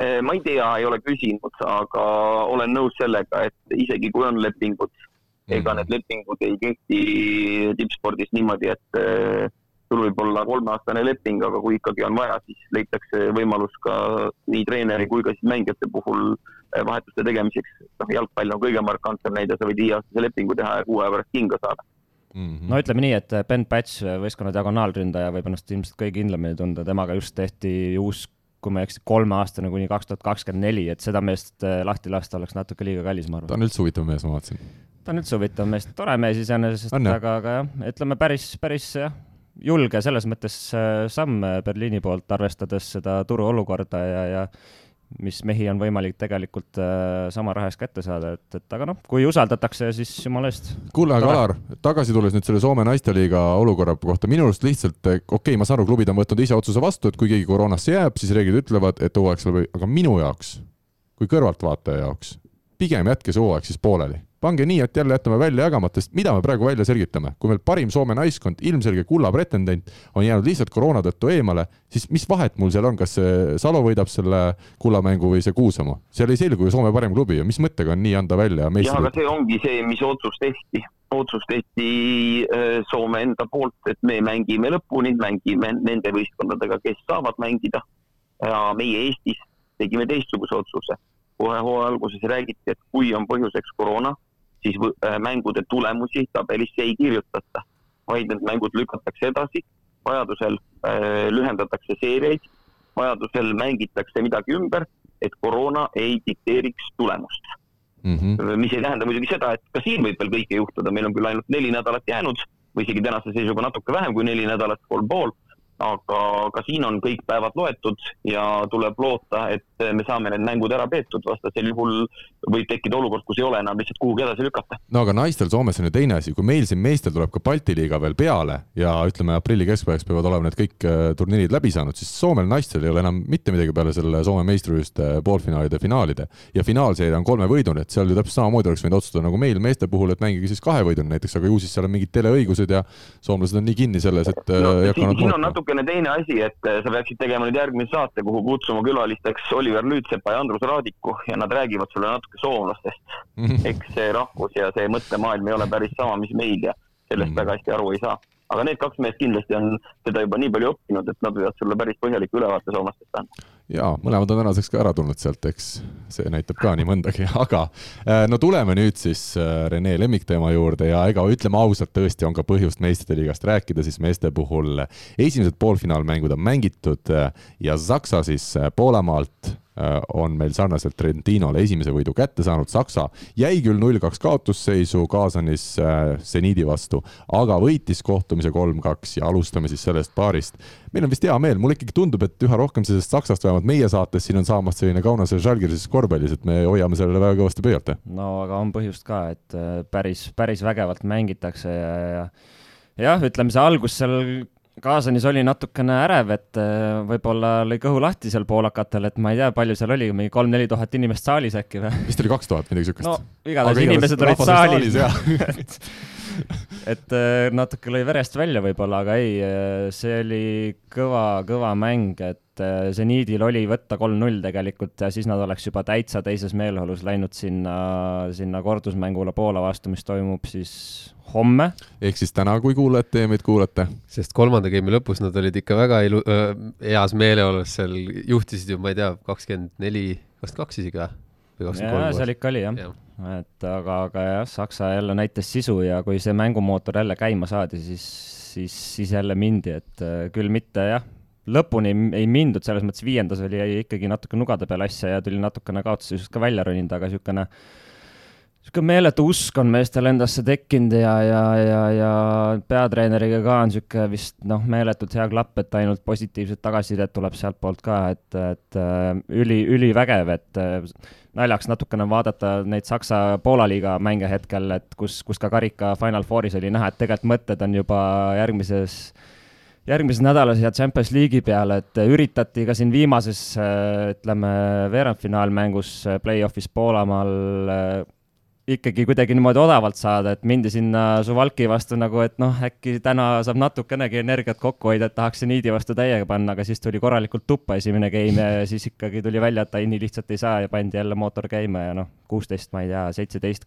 ja mingi üheksateist võideti, et et seal on lihtsalt gaasi, gaasi vajutamise teema hetkel, et Poolas ma tõesti ei näe, kes neile vastu saaks, aga, aga aga kordusmäng äh,, jah, tuleb ilmselt põnev, sest ütleme siin äh, Zenit mängis ka kodus äh, oma kohalikku meistrisarja ja, ja seal ütleme, visati see frustratsioon vastase peal välja ikka korralikult, Innis seis sai seal ikka kolmteist, neliteist, viisteist game ides, et äh, et tullakse, tullakse täiega peale ja, ja saab, saab maru võitlus olema kui enne kui ma Alarile sõna annan, ma lihtsalt ütlen, et kaasani seniidis siis ei mängi me sugugi mingid mahlamütsid, vaid Kapett ja Mihha-, Maksim Mihhailov, eks ole, ütleme kõige kuulsamad nimed ja nemad ka selles esimeses mängus olid seal võtmerollis, aga aga tuli välja ju vahepeal ka Poola koondise nimekiri, Hainen seal teatas ja, ja ütleme, kui me vaatame ka seda eelolevat suve, olümpia on meid ees ootamas ja Kaczmarek, eks ole, selle Kaasani vastu esimeses mängus kakskümmend kaks punkti pluss viisteist ja Semenjuk kakskümmend kuus punkti pluss kakskümmend, et Alar, see Poola võrkpall jalgpalliseis ei ole meil sugugi kehva ka laiemas plaanis, jah? ei ole, mehi on palju ja koondise seisukohalt, ega see Kaczmarek võib-olla ei sobi üldse sellesse koondisesse, sellepärast et treener, stiil, äh, ümberringi olevad mängijad, äh, see hetk, kui ta Lubinist Saksasse läks, ta läks täpselt sellisesse kohta, kuhu tal oli vaja minna. Äh, ta ei olnud selline mees, kes oleks pidanud Belhatovisse minema või Rešoviasse. tema mängustiil sobib ideaalselt sellesse võistkonda ja see võistkond valib ka selliseid mängijaid, tundub, kes sobivad või siis kasvatab nad enda jaoks sobivaks ümber. et mina vaatan väga, väga rõõmuga ja mis nüüd meistrite liigast rääkides veel üllatav oli, et vaadates järjest neid mänge, kõigepealt siis seda kolm-kaks mängu Kasani seniit ja Saksa ja siis otsa itaallaste omavahelist madistamist, kus ma ütleks, et seniidi Saksa puhtmänguline tase oli märgatavalt kõrgem mis on üllatav, sellepärast et me ikkagi oleme pidanud seda Itaaliat ja Itaalia just top kolme või nelja klubi nagu maailma täielikuks tipuks ja kõiki teisi liigasid võib-olla hinnanud natukene eh, nõrgemalt kui Itaaliat, siis eh, praegu hakkab vägisi sinnapoole kiskuma, et, eh, et need Itaalia kõige kõigemad isegi ei ole enam nagu üle ja no Poola võrkpalli veel teema jätkuks, Bartos Bednors on siis veel ju Kaasanis mängimas ka võtmerolli, et äh, isegi selles Venemaa klubis, kelle vastu mängitakse, on poolakas tähtsas rollis, jah? aga mängiski võtmerolli, et tema ta pealt... mängibki viimasel ajal võtmerolli, aga selles mõttes seniidi jaoks natuke negatiivses võtmes. ikkagi Poola mees Alekno ikkagi on harjunud, et välismaalane tahab puhtaks ja, ja ütleme, Bednors on äh, selles mõttes läbi aja olnud selline kõikuv, ütleme just mentaalselt, et äh, tegelikult tundus, et Modenas selles mõttes ta sai kõvasti jalad alla ja tegelikult ta alustas seniidis ka päris hästi, aga ütleme, Alekna tundub, et ikkagi on võtnud sellise karmi käelise hoiaku tema osas, et pigem ma arvan, kui ta mängiks seal nii-öelda papat äh, talle, siis, siis see asi toimiks paremini, aga nii mõnigi time-out, kui vaatad ka, siis on personaalselt suunatud sinna, et kuule, mees, sind ei toodud selle jaoks siia, et sa umbes palle mängu jätaks, vaid löö nüüd maha, kurat. ja, ja, ja noh, oligi, oli näha neid äh, game'i lõppudes need, äh, need vead ikkagi tulid, tulid puhtalt sellega sisse, et ta läks panema, aga, aga nagu seda seda, seda sisu veel ei olnud, et, et sealt tulid päris niisugused karmid vead, mis, mis tegelikult viisid ka selle mängu lõpuks Saksa poolele, et aga teine seeria ka siis nagu öeldud, itaallased seal omavahel ja Trentino ikkagi võitis esimese mängu koduväljakul kindlalt kolm-null ja Perugia siis nende vastaseks ja Hollandi koondised omavahel olid seal suuremad punktikütid. võitjatele siis Nimir Abdella siis kuusteist punkti pluss kümme ja kaotajatele Tiister Horst kaksteist punkti pluss kuus. Rene, sinu mõtted sellest paarist? No ega siin midagi selles mõttes kommenteerida ei olegi, et Trento sõitis teerulliga üle, et äh, mis ma arvasin ja natuke sai ka teoks, et Nimir ikkagi tähtsates mängudes natuke väristab, aga, aga tema õnneks Perugia ei olnud päris see Perugia, millega me harjunud oleme ja isiklikult arvan, et Hainen on ka natukene alates sealt karikafinaalist äh, natukene, ütleme, hullu pannud, et äh, on rajalt natuke kõrvale astunud, kahtlaseid liigutusi teinud, mingisuguseid imepäästmisi lootnud, see ei ole edu toonud, et ma arvan, kui ta nüüd ikkagi hoiaks seda koosseisu ikkagi nii, nagu nad on lihtsalt mänginud äh, äh, Ter Horst on seal ilmselt ikkagi, peab seal diagonaali kohta mängima, et äh, nagu Milano vastu näitas tegelikult see otsustav veerandfinaalmäng, kus nad tegelikult mängisid päris hästi jälle meeskonnana, et see andis jällegi põhjust nagu uskuda, et et see kordusmäng tuleb veel sihuke, sihuke põnev, aga, aga võtmekoht saab olema, ma arvan, seal see algus, et mängu alguses nad peavad Trentole näitama, et nad on täna kohal ja, ja siis, siis võib veel põnevaks minna. kuule, Alar, te siin mõlemad Renega ütlesite, et arvate, et Matsei Musai on ikkagi toodud võistkonda selleks, et siin tähtsates mängus algkoosseisus olla, aga ei olnud ta ei meistrite liiga selles esimeses poolfinaalmängus ega ka nädalavahetusel Milano vastu põhikoosseisus, et äh, selles osas oleme pannud puusse või? Topelttoetus? oleme pannud puusse, sest ei teadnud, nüüd ma juba natukene tean infot. no Vital Hainen muidugi võistkonna komplekteerimiseks, kui me nüüd jõuame hooaja lõppu, kui tavaliselt võetakse neli nurgaründajat ja kaks diagonaalründajat võistkonda, siis tal on Leoni ja Plotnitski näol kaks nurgaründajat ja neli diagonaali. ja ega tal mitte midagi muud üle ei jää, Atanasjevitš on lihtsalt sel hooajal hapu, Vernon Evans ei oska sellisel tasemel võrkpalli mängida ja Muusai on selges alavormis ta on nii füüsiliselt kui ka üleüldse alavormis, alates sellest hetkest, kui ta sinna saabus. Ja noh, sellises äh, vormis Muusai kohta ole, olevat Hainen öelnud, et siis ta ei taha teda isegi Poola koondises näha. Mm.. ja mitte midagi muud üle ei jää, kui tulebki Per Horstiga mängida, aga see nüüd näitab, tekib sellise olukorra, et äh, Perugia koosseis jääb maru õudseks. pingilt väga midagi loota ei ole, see koosseis peabki ära lööma, aga noh, kui me nüüd ennustuste juurde tagasi näiteks tuleme, mina olen jätkuvalt seda meelt, et äh, on tulnud siin kehvast seisust Perugia välja eelmine ring meistrite liigas, tuli kehvast seisust välja Itaalia play-off'is. ma arvan, et Perugia tuleb veel korra kehvast seisust välja ja jõuab ikkagi finaali ja teises paaris ma ennustan, et Saksa kodus võtab ära. lühidalt, mis meie arvamused on samal teemal? ma loodan, et ei võta. Saksa, Saksa Trentino arvan mina ikkagi, jah. ma selles mõttes, ma loodan ka sama kuigi jah, ma ei imesta, kui see Perugia ikkagi kuidagi suudab selle ära, et äh, no peaasi, Et Saksa pääseks. nojah, see on nagu võrkpalli mõistes äge oleks. poolakad No no,, Nad igal juhul on väärt seda. kaheksakümmend, kakskümmend on protsendi, et nii nagu ikka pigem läheb, noh. ma pakuks lihtsalt. kuigi me oleme siin mööda pannud juba ka Me väga kindlate jaa. asjadega.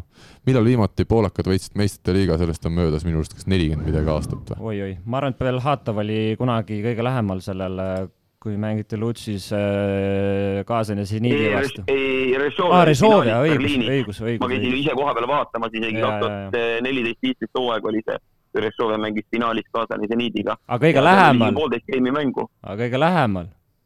Belhatov, kas seniit mängis tookord äh, viiendat geimi ja seal oli päris legendaarne olukord, kus minu arust Alekno võttis kaks time-out'i järjest ja siis kuidagi see mäng pöörati lõpuga ümber ja oligi tehtud jälle. aga mina juba leidsin üles ka tuhat üheksasada seitsekümmend kaheksa tuli siis Milovits Plomian no nii, meistriks, oleks aeg. meistriliigas oleks aeg, et sellepärast elame Saksale kaasa ja, ja võrkpallis, ma ei tea, kas seda nüüd mängu jälle Youtube'is näidatakse, seal on mingi väga segane see, midagi nad näitavad, midagi kui mitte. kuubakad on, kuubakad on punnis, siis, siis näitab.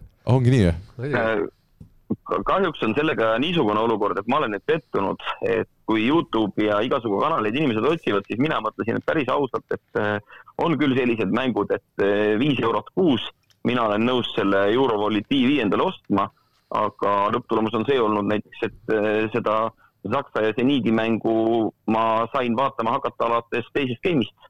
teise game'i keskel tuli alles pilt ette. senikaua oli ikka isegi tasulises kohas streaming error.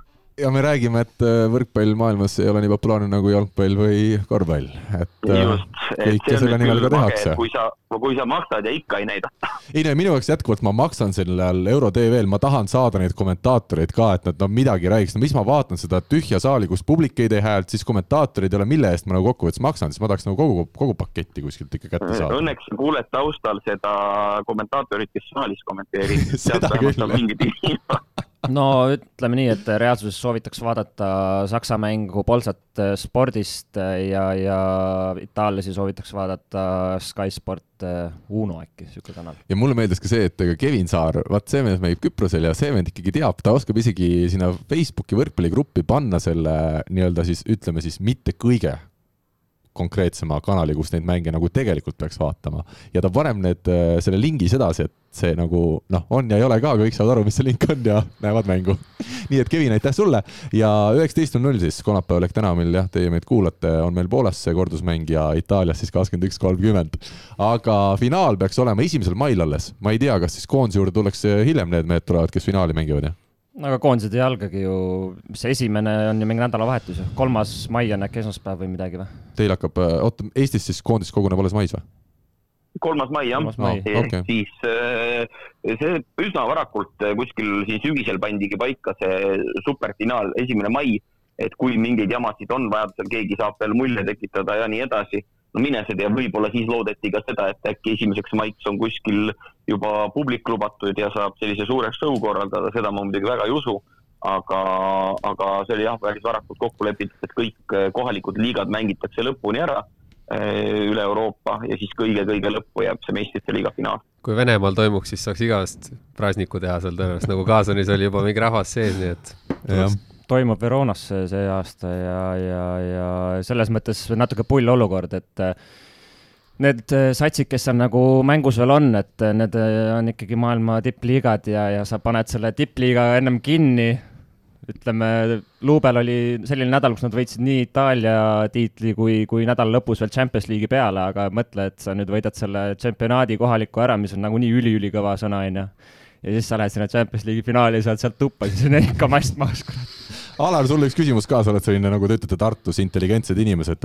mis kaheksa, kes kaheksa sajandit ta tagasi Veronas elasid? ei kuulnud su küsimust. väga hea, ma arvan, et sa ei tahtnud kuulda, kes kaheksa sajandit tagasi kuuldavasti Veronas elasid? Veronas see meistriliiga finaal peetakse. ei tea. Romeo ja Julia, Alar, noh. õige, õige, õige. no vot nendes, nende lugudesse ma ei ole süvenenud. no vot, see on minu roll siin meil oli saates. kunagi isegi Veronaline eurolugu tuli nüüd meelde, jah. ära sellest räägi, Jestes, me proovime nii, et me Ukust ei räägi siin saates üldse ja ma ei pea rummit silmas, ma mõtlen praegu suvist, et äh, aga okei okay., see nii oli Koit muidu. äh,. ja ei, ma tean, aga ma mõtlesin, et noh, et. Ukust me ei räägi niikuinii, kuigi ta iga aasta võidab ja aga sa tõid sisse lambist ikkagi. no ikka iseendale ma vastu räägin, aga meil on aeg minna tänase saate viimase osa juurde.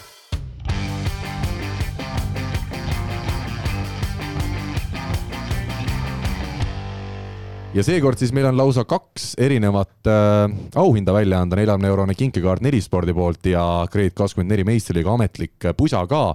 ja no meil läheb ikkagi see saade juba vahvaks ära, sest seekord tuli meil üle kahekümne küsimuse ja, ja me oleme valmis neile vastama, me proovime siis teha suhteliselt konkreetselt, aga samas ikkagi selgitada vastused nii ära, nagu me neid vastata või, või, või teha soovime, et me samas ka tagasi hoidma ei hakka ja, ja noh, selge on see, et me kõik, kõiki kahtekümmet ja peale veel ära võtta ei suuda, nii et järgmisest nädalast jääb jälle küsimusi, aga me alustame nüüd Anu Ennokiga, Eesti koondise nurgaründaja Libero. ma teen siin siirad vabandused Anu ees, tema sisuliselt juba enne esimest saadet meil saatis ühe küsimuse, aga minul oli see täiesti ära ununenud. nii et nüüd üheksakümne seitsmendas osas, Anu, tuleb sinu küsimus ettelugemisele ja see kõlab siis järgnevalt.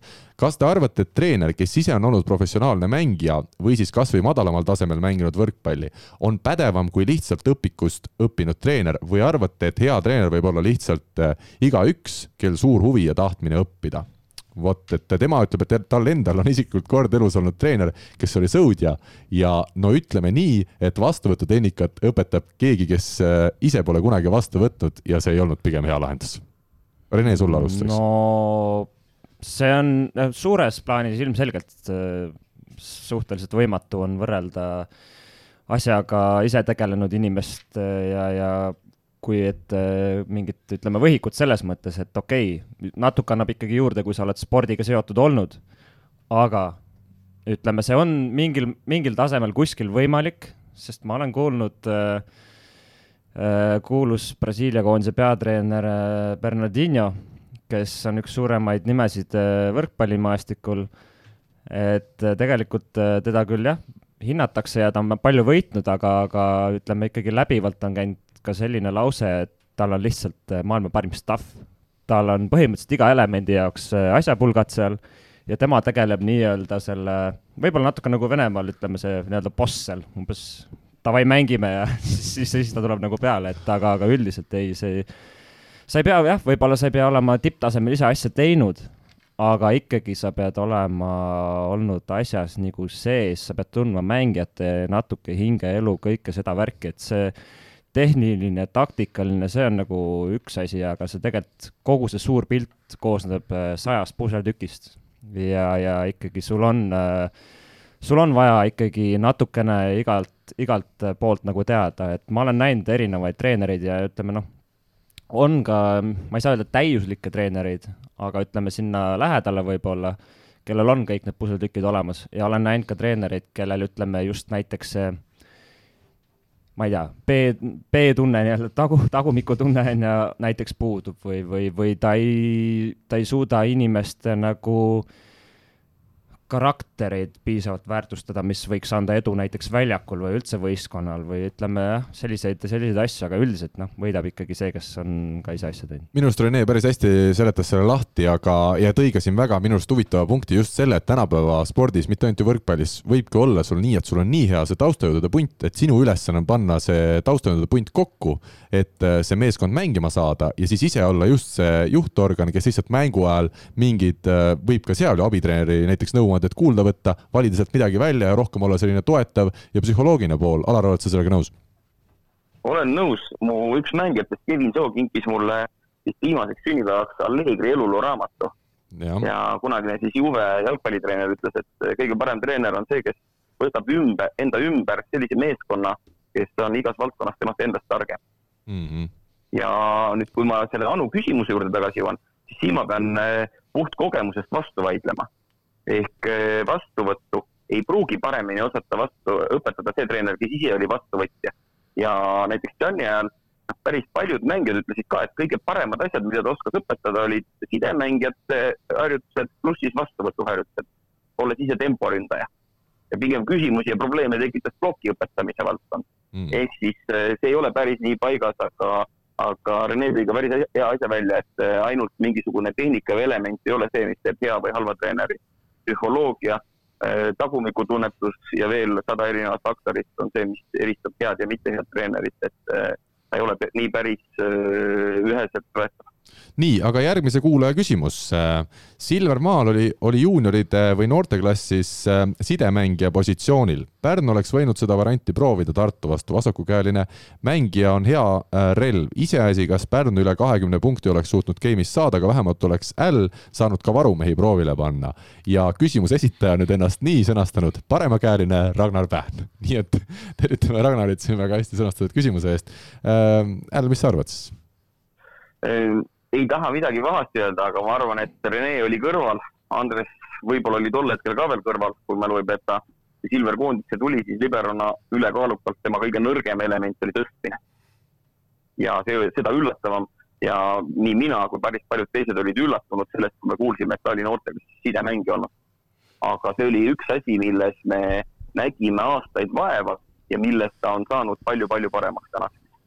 Aga see, mis Aavo ka ise ütles, et noh, ega ega see tõste kvaliteet ja kiirus ja tegevus, noh, sa ei pane ühte mängijat niimoodi teisele positsioonile, et sa võid mõnikord liigutada äh, mõne diagonaalründaja temposse, nagu Renega tehti, sa võid nihutada Timo Tammemaa Diagosse, panna nurga Diagosse, on asju, mida sa saad liigutada, aga, aga nagu libero sideks ja noh, eriti kui ta ei ole veel aastaid, aastaid, aastaid enam seda üldse mänginud, siis sealt nagu head nahka ei tule. No.. et sidemängija poole pealt just, et need noorteklassi sidemängijad, need on, need on noh, selles mõttes ikka teine teema, kui, kui minnakse edasi juba mäng nagu täiskasvanute peale, et, et kui sa kaugel-kaugel olid sides ja põhimõtteliselt nagu väga mingit rolli, et siin me võime väga palju selliseid inimesi välja tuua, et et ei, see, see kindlasti nagu ei, ei päde, et olid noor, noorena seal, et no mis see noor on siis, et kas ta oli seal kolmeteistaastasena või neljateistaastasena sidemängija, siis see on ikka suur vahe kui, kui täiskasvanute mängu mängida. no pluss veel on see, et ega ju noorteklassides on tihtipeale see, et saaks jumala eest pundi kokku, onju, ja siis ongi kõige lühem tõstab ja siis nimetame teda sidemängijaks, et mm. -hmm aga läheme. Andres, täiendades siis, äh, Andres ise ka mäletab neid treenereid kindlasti, ühiseidki tuttavaid, et on olemas sidemängijad ja on olemas tõstjad. täpselt, jah. nimetame neid noorteklassi sidesid siis tõstjateks. et Ergo Sardakovile siin saadame tervitusi, kes alati ütles, et tema ei ole sidemängija, et ta on tõstja. kas Erko kuulab meid või? Ma ei tea. Ergo. kes seda teab? no eks ta ise teab. aga võtame järgmise küsimuse. Äh, ja Dmitri Korotkov küsib meil, spordis, sealhulgas võrkpallis öeldakse ikka, et täna oli hea päev või halb päev.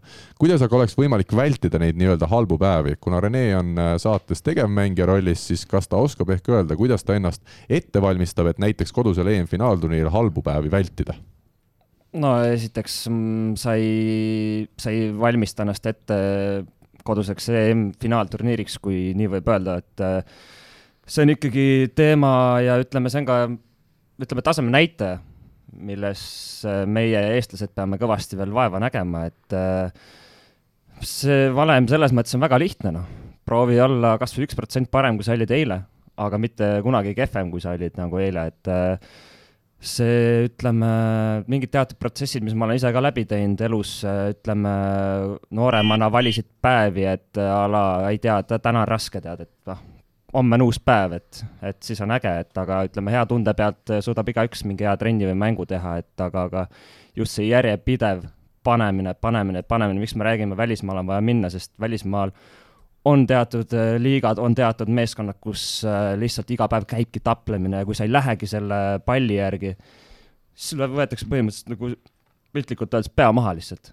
sest see on lihtsalt, äh, see on, see on teatud asi, mis, mis meie peame kuskilt mujalt suure tõenäosusega õppima mängijana, eestlased täna veel, et, et lihtsalt viia ennast sellele automaatsuse tasemele, tasandile kus, kus, kus sa pead ennast läbi suruma, et sa iga päev surud, surud, surud, surud, surud, sa ei anna grammigi järgi, see on kuratlikult raske. mina ise tegin selle läbi enda arvates Poolas, äh, kus, kus ütleme, oli ka periood, kus nagu sa oled maru rampväsinud, sa tead, et ai, siit on valus, sealt on valus, aga siis, siis sa lähedki nagu ütleme, teatud päevad pool pehmelt peale ja siis, siis see karistus on nii kiire tulema mängijad, kõrvalmängijate poolt, et kui sa ikka maailmameistrid vaatavad ja vehivad, mida kuradit, mine järgi sellele pallile näiteks.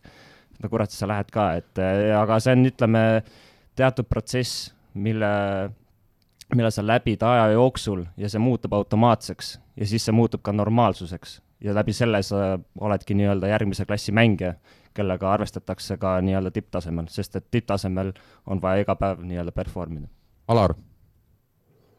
ma ütleks nii palju, et jah, mängija, kelle kehv päev on korralik keskmine, ongi hea mängija. et midagi pole teha, tuleb paremaid, tuleb kehvemaid päevasid ka tavaelus. minu jaoks see aasta päris naljakas on see, et ka treenerina on häid ja halbu päevi. et seesama trenn, mida sa oled korra teinud ja mis tuli nagu välja ja sa vaatasid nagu enda mingisugused juhised, asjad klappisid, teine päev tunned ennast treenerina väga kehvasti, vaatad, et näed, täna ei tulegi välja nii hästi. aga siis tulebki tekitada selline olukord, et ka kehv päev on päris hea. Ja, ja üks asi kindlasti veel, et, et kui see kehv päev tuleb, keegi kindlasti valmistus oleks, kindlasti valmistutaksegi selleks, et mul tuleb kõik väga hästi, on ju, ja, ja ma üritan seda teha, aga kui tuleb, siis alati on, mängus on väga palju elemente, et jah, kindlasti on niisugune enesetunde kehvus või mida iganes, aga aga tihtipeale võrkpallis on nii palju, või noh, ongi nii palju elemente, et et kui üks asi ei toimi, siis võib-olla saab rõhku pöörata mingile muule asjale, ei toimi rünnak, võib-olla üritad vastuvõtul plokis midagi paremini teha, et natukenegi seda kompenseerida, et ja, ja noh, ma ütlengi, et on, on hea, hea mängijal on kindlasti see, et kui tal üks element on natukene võib-olla kehvem, siis ta suudab võistkonda aidata mõne teise asjaga piisavalt, et et see on kindlasti niisuguse hea mängija niisugune märk ka. jah, ja seal on veel see, et üks noh, jah, see on selline väljend, et proovi kompenseerida muude asjadega, samas ma olen seda meelt, et tegelikult on võimalik äh, leida ka lahendusi selle nii-öelda asja puhul, mis parajasti ei toimi. et sa ei pea kohe välja lülitama, et ai, täna ei tule ükski rünnak välja, nüüd ongi tuksis, et äh, on e-, olemas erinevaid lahendusi, on erinevaid versioone. et äh, see tuleb läbi kogemuse ja, ja ka ikkagi ütleme, klassiga mees suudab ennast korre-, korrigeerida ka mängu jooksul, kui on vaja, et et jaa, see on pikk ja ütleme, aeganõudev protsess, aga see on tehtav ja see on päris, päris äge, kui see lõpuks välja tuleb. järgmine küsimus küsib meil siis Deno, kellest on saanud tõesti, võib öelda, üks lemmikumaid küsimuse esitajaid, sest need küsimused on äärmiselt äh, huvitavad ja, ja sellised, mida mina vist alati ei suudaks isegi välja võib-olla genereerida. et teil seal saates ikka igav ei hakkaks, siis minu järjekordne ülesanne teile. Palun koostage uus Eesti meistriliiga tasemel võistkond Eesti mängijatest, kes täna enam profitasemel ei mängi, aga on selleks endiselt võimelised, kui saavad pool aastat korralikult trenni teha et võistkonnal natuke võimu lisada, võib võtta võistkonda kaks legionäri, kes samuti on oma profikarjääri lõpetanud. kas see võistkond võiks mängida medalitele? enne kui ma annan sõna teile, mina panin oma võistkonna kokku, sidemängija Veiko Lember, nurgaründajad Kristjan Õuekallas ja paneme siin Kristjan Kaisi, et ikkagi ka Tartu stuudios meil vahel lühideks jälle. Diagonaalründaja Argo Meresaar, temporündajad ma võtaksin Reimo Rannari ja Meelis Kivisilda ja liberoks võtaks siis Sten Esna ja kui saaks võtta legionärid, siis Austri Stahls, vana, vanade siis sõpruste poolest tuleks liberoks meile ja Lätimaalt ja Tšiiba tuleks meil nurka. kas sa nüüd tõesti arvad, et need mehed tulevad ja hakkavad mängima? ei no ega ma ei. või sa paned lihtsalt need nimed, et kuidas nimed. nad kunagi mängisid? ei, selles suhtes nad on täna noh. täna ole... on Tšiiba ja Stals on mängumehed või? ei. poole aasta pärast? noh. Kusjuures Tšiiba võib-olla on, ta siin mängis veel minu arust üle-eelmine aasta äkki või? see aasta enam vist ei mänginud. aa, seal Suurbritannias jah? jah mm -hmm ei no mina lihtsalt panin oma võistkonna kokku, seda ei saa nüüd kritiseerima hakata. ei, ma ei kritiseeri, ma küsin, ma küsin, kas sa, kas, kas sa nüüd panid nagu nimed lihtsalt, et kes on ma panin need, kes need, ma vaatan peale, et nad ei ole liiga palju pärast karjääri lõppu burgerit söönud aga äkki teeks nii, et korrigeerime seda olemasolevat võistkonda, mitte ei hakka päris nullist tegema. väga ka-, kuigi ma arvan no,, Alaril on vist olemas. mina hakkan esimese nagu korrigeerima siis. esiteks äh, ma vahetan ühe nurga välja. ma jätan Kristjani alles ja ma panen teiseks nurgaründajaks Nõmsalu. Head no, enda punti. ma mõtlesin ka, aga pool, pool, pool aastat on aega, mitte kolm aastat. ei loe, küll ajab vormi ennast. iga hommik jookseb kümme kilomeetrit. oota, Kristjan ja Kristjan, kumb, kumba sa? just kumba sa ära vahetad? Kai, Kaisi, Kaisi jätaks alles ikka. Kaisi jätaks alles. sul ka discgolfi vaja ikka kellegagi mängida siin kevadel, jah? ja siis on mul tempoosakond ka uus, et no Pajuga ei ole küsimustki, Paju on vormis ja küll ta ajame ka Raimo Pajusalu, jah? Just, ja mhm. teine tempo on äh, noh, mees, kes hoiab ikkagi kätt kogu aeg soojas palliga, ehk siis Janis Sirelpuu. ja, ja küll me Janisega vormi saame ja ma olen näinud Janist isegi praeguses vormis, osavus ei ole mitte kuhugi kadunud palliplatsile. kuule, aga Meelis Kivisele jätad välja või? lõika välja Meelis Kivisele praegu nurgaründaja üldsegi no. ja ta on veel tegev võrkpallur, nii ei, et no, olgugi, et esiliiga tasandil aga ma ikka mõtlen meestele, kes enam ei ole tegevad. sisemängija osas, ma arvan, et. Veiko on hea valik. Alar, see ei ole sul praegu Tartu Bigbanki võistkonna sisereeglit, et siin on meil Deno on küsinud ja ta on öelnud, et kes täna enam profi tasemel ei mängi, nii et Meelis Kivisid läheb siia meie nimekirja küll ikkagi selles suhtes, selles suhtes, et ta sobiks siia, aga okei okay,, ma, sinu valik on sinu valik. nii, mis sul veel, Alar, oli parandada? diagonaali, no nii, teise juurde teise nime, ahah, Kristjan Sikaste. okei okay., see käis mul ka peast läbi. Aga kumb siis põhis on, sa pead ju selle ka ära otsustama, ega nüüd kahe diagonaaliga ei saa sedasi, mõlemad saadad väljakule. ei no seda otsustab treener. no sina, ütleme, treener peaks treener ikka. olema keegi selline, kes enam ei ole treener või? Äh, ei, vot see on, vot seda ei ole siin küsitud, aga me võime jah, mõelda kedagi sellist juurde. aga see ei ole kerge.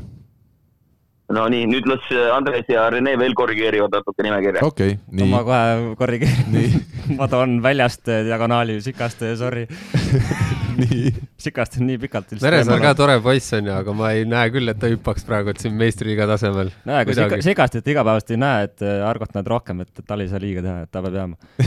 aga, aga ma arvan, et see me-, sihuke mees nagu Markus Nilsson, kes nüüd mängis veel ikkagi IBB Bolognas, ma arvan, et ta rohkem ei mängi ja ütleme, et ta on siis ka karjääri lõpetanud, et ta on mees, keda ei ole väga vaja vormi ajada ja kes endiselt suudab, ma arvan, mängida tipptasemel tipp-topp mängu. see on sihuke asi. no Nõmmikut kuidagi ei, Ei. saa, ma viskan Nõmmiku klubi tegemistesse ja, ja, ja. toon hoopis jah, midagi teha ei ole, vaat numbreid ja asju, Kivisild peab oma võimuga Oh. sinna kaisi kõrvale peaks sobima küll, aa, nurka paneme ta või? nurka jah. Aga kuidas ta servi vastu võtab, kui me Eesti tasemel no mängime? meil on Stals ja meil on äh, Kristjan. aa, et Stahls ikkagi sobis või? ma saan aru, et Stahls ei sobinud teile, et äh, aga välja ka ei vahetatud aga mitte nurka, ma arvan, et kui, siis ta läheb, istub seal libero positsioonil no ära ma arvan, et see, ta oskas väga hästi seista, ta oskab õige, väga õige koha peal Mhm, seista, tal mhm. polegi vaja liikuda, et, et seda küll, aga mitte kindlasti nurgaründajana. mm. -hmm. selge, nii, mis meil siis jääb, Veiko Lemberi osas keegi ei vaielnud vastu vist jah? nii, nurgaründajateks meil jäid siis Kristjan Kais ja Meelis Kivisild. hetkel veel, meil on üks korrigeerimine veel tegemata. okei okay,, vabandust, diagonaalründaja on meil Nilsson Rootsimaalt, aga see ei ole nüüd see Nilsson, kes oli Pipi Pikksukal, see ahv, see on nüüd see teine Nilsson. temporündajad olid meil siis äh, Pajusalu ja Sirelpuu. nii, liberona me siis kas Sten Esna või Austri Stas? ah,. Sirelpuu oli ka või? No Sir-, aa, sinna on vaja leida kedagi. aa okei okay,, Sirelpuud ei ole, nii äh, Alar, me ütleme Tartu stuudiole, et äh, hea pakkumine, aga proovime uuesti. no las siis Ait paneb lõplikku. nii, kes meil teine tempo on siis, Pajusaluga on kõik nõus või? no ta ilmselt suudab ennast füüsi, füüsiliselt korda ajada, jah, ma usun. nii. Ja ta pust füüsiline, füüsilise peal ju mängiski, nii et Jaa. kui selle saab korda, siis on juba korras. aga Andres mõtleb pikalt. Reimo. Rannar, miks no, ei, mitte? Reimo Rannar jah, ma saaks igal juhul paremini hakkama, selles mõttes praeguses seisus on kui kes, Sirelpuu kui, Sirelpuu praegult. nagu pool aastat, anna Sirelpuule aega, no atra no nagu Nõmmikulegi ikka pool läheb väheks. ei, jah. on pool vähe, see on selge. No. Nad on suhteliselt sama kaalu mehed, ma arvan. lihtsalt jube raske on nagu mõelda, et nad peaksid meistriliigas reaalselt mängima ka nagu. seda küll. siis, siis nagu võtab kuidagi selle, mina paneks ikka näe. nurka kellegi teise ja Meelis tõmbaks temposse, aga no No. okei okay.. ja meil ma arvan ka, et saaks tempos nagu no aga meil on see variant ka, et kui me Stalsi välja viskame, siis meil jääb veel üks nurk välismaalt võtta. jah. Mm -hmm. no välismaalt peaks jah võtma igal juhul no võtame siis, keda te tahate? kui noh, ütleme Lember tõstaks ära võib-olla, ma ei tea, Mm -hmm. Lipp, noh, Lipp on ka ju esiliigas sees ju. no aga Ai, ta no ei ole proff, ta ei ole proff, no nii et sobib. aga võtame nurga siis välismaalt. Sammelu oli nurk kunagi või? aga ta, ta on ka heas vormis mu arust. muidugi, ma arvan, Eesti liigas ikka mängiks ära. Toomas Sammelvoo, võtame sisse, Alar, sa oled nõus ju? no tema enam ei mängi, ta on ikka vana inimene juba. ikka ei tohi. Tšiiba on- tuleb mul ka nagu pähe, kes siin hiljuti pigem nagu lõpetas. paneme Tšiiba siis, paneme Tšiiba siis, tuleb tagasi Estale, Eestis meeldib käia, me teame hästi ja tuleb ja hakkab mängima siin. ja kuidas nüüd siis taseme poolest oleks, kas me võiks mängida medalitele selle võistkonnaga? tõsiselt ei või? muidugi mitte. Nilsson, Tšiiba, no sellel võistkonnal on üks häda. ma arvan, et enne medalimänge see võistkond läheb katki. Nad ei jõua. Need mehed ei pea lihtsalt seitse-kaheksa kuud hooga vastu, see on see häda. seal on väga tarka treenerit vaja, et see on nüüd kõige olulisem koht üldse. no aga trenni väga ei peaks. tegema, ma ütleks. ei, trenni hoiab vormi tuleb hoida, et äh, kõik Jah. asjad tööks, töötaksid, ongi kõik. jah, neljapäevane siis töönädal, ütleme maksimaalselt. ülejäänud päevad puhkavad, aga mis treener on, kes on treener, kes on lõpetanud tänaseks treeneri töö? on meil siin keegi võtta või? Alar või Areneel tuli? ei, aga miks lõpetanud, kes, kes on vaba äkki? no teeme nii, kes on vaba, jah. noh, Gianni on vaba. Gianni on vaba, võtame, kas Alar, sulle sobib see või sa? sobib ja et asi põnevaks, siis abitreeneriks paneme talle tali kõrvale. Urmas tuleb, väga hea. väga pull kooslus, isegi tahaks olla seal. ja, aga siis tuleb rahaasjad ka vaadata, et need oleks ka olemas nii, et kui aga... Renks on või? või, või teised, aa okei okay. nii, okei okay,, aga me saime võistkonna kokku ja minu arust Teno küsimus oli jälle fantastiline, nii et Teno, aitäh sulle ja me ootame jätkuvalt sama häid, kui sul on küll raske, iga korraga muutub aina raskemaks, sest see tase on nii kõrge, see on stabiilne, sul ei ole halbu päevi küsimustega. alati on Teno sul head, head päevad küsimustega. aga aitäh ja me võtame edasi. Kalmer küsib, jõudu ja värki, pallipuutete puudumisel on teie saade jätkuvalt väga hea aseaine võrkpallimaas, väga head aseainet, sa kasutad ikkagi saadet, mitte mingit keelatud toiduaineid. Robert Täht kunagi esimese koroonalaine harjal mainis, et ei ole väga äge, kui enne võistlusmängu kütad ennast üles ja siis tegelikult mängu ei toimugi. mind huvitab, et kuidas tippmängijad ennast enne mängu üles kütavad. kas on mingid rituaalid, muusika kuulamised või hoopis vaikus äh, viirukiga? vaimne pool on selgelt tähtis, aga kuidas valmistatakse tähtsaks mänguks? Rene, esiteks sulle lühidalt sõna ma arvan, et asi ei ole kas tähtsas mängus või, või lihtsalt mängus, et nagu, nagu juba jutuks on tulnud ka, siis Äh, tipptasemel tuleb igas mängus hea olla ja, ja kogu aeg pildis olla, et äh, igalühel mingid teatud oma rutiinid kindlasti on, noh, ütleme äh, näiteks äh, mida sa kindlasti sööd lõuna ajal enne mängu, mis, mis ajavahega sa umbes oma lõunauinaku teed, kui sa teed, et äh, näiteks mängule minnes, kas sa eelistad mingit podcast'i või mingit jutusaadet autos kuulata või kuulate punn põhjas muusikat. mida sa kuulad siis? ma kuulan muusikat, aga mitte punn põhjas kindlasti, et äh, ütleme, ma arvan, need äh, ilgeks... seal on see vist pigem, jah? et äh, ilged üleskütmised selles mõttes on küll võib-olla jah, teatud mängijaid, aga ütleme, elu on ikkagi õpetanud ja, ja ka kõrvalt vaadates neid nii-öelda maailmameistreid ja kõiki olümpiavõitjaid, kellega on saanud koos nagu olla, et et jaa, sa oled küll energiline, sa oled küll agressiivne, aga samas see, see tasakaalukus peab ka ikkagi säilima, et ütleme, see tulipäisus oli mul endalgi küljes väga pikalt ja, ja ütleme, Itaalias Trentos oli, oli see koht, kus, kus ma nagu üritasin ja õppisin sellest nagu lahti saama, et sa ei saa ikkagi emo-, liiga nagu keevavereliselt ka, ütleme. no aga samas sa oled ju, Siim, kui vaatan sind Selveri mängudest, ikka vahel küll lööd palli out'i või kuskile võrku lajatad vastu seda posti ja, seal, et. jaa, aga see. enne mängu nojah, ja ütleme, see enne sooritust, enne kui see pall läheb sinna out'i, noh, siis sa pead ikkagi olema kaine mõistusega. Okay.. see, mis sellele järgneb, see on okei okay,, see kahe punkti vaheline aeg, et noh, vahest oled vihane enda peale või kelle iganes, vahest äh,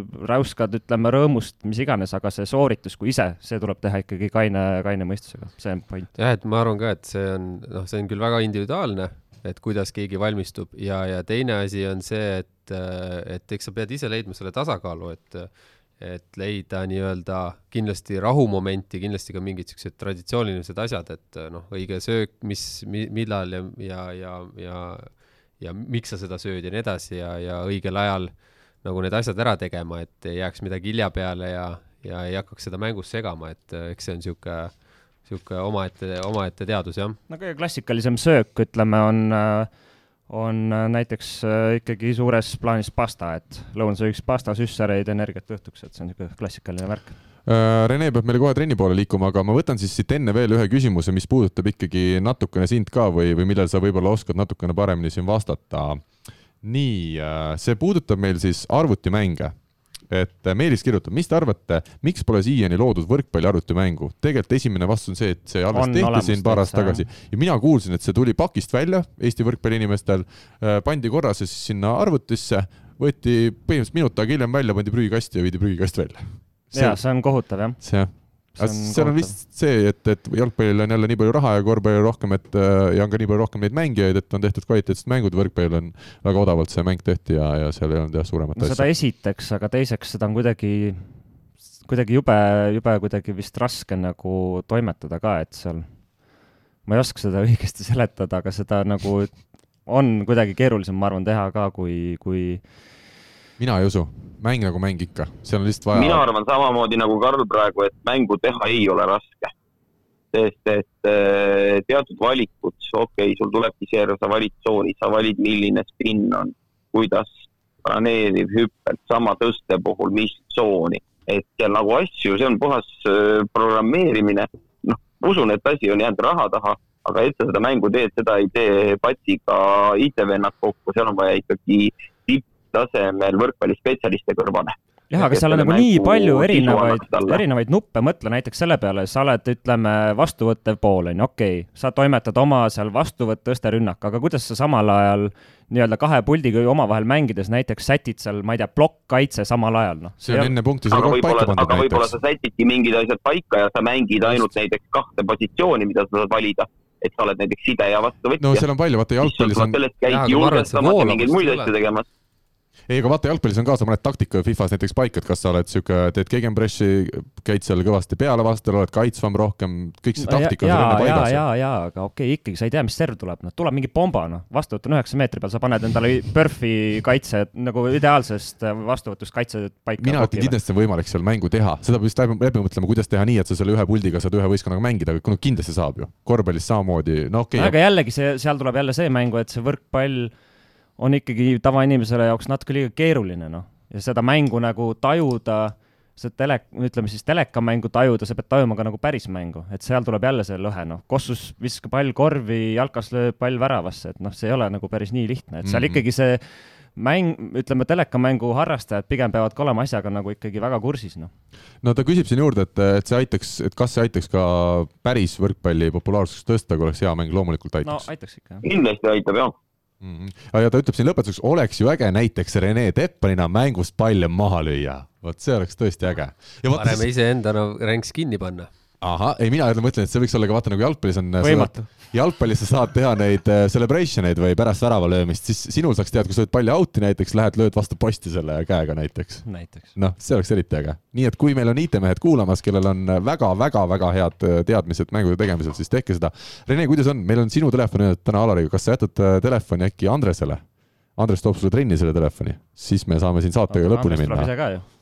jaa, aga Andres tuleb paar minutit hiljem järgi sulle, sest meil on mõned küsimused võtta veel Selveri mehed mitu, mitu minutit hiljem? tal on kaheksa minutit aega veel. on nii või? jah? põhimõtteliselt küll, jah. sobib. kaheksa minutit me teeme veel. tõmban neti välja igatahes äh, meile, aitäh sulle, Rene, täna saates osalemast mm. -hmm, palun. ja edu siis äh, kolmapäeval, kui te Davai. mängite. Davai, jälle selge. nii, aga meie võtame siit järgmise küsimuse, Aare Alba, legendaarne kuulaja on meil siis esitanud küsimuse, et milline on mängudeks Eestis kõige hubasem saal, võimla, hall, spordihoone? no TalTechi madal lagi ei meeldi vist kellelegi. pusime edasi, Aare. Äh, Andres, mis sinu lemmiksaal on, kus mängida Eestis? oli, oli, äh, ei, kunagi oli Rabahall raudselt kõige aga mm -hmm.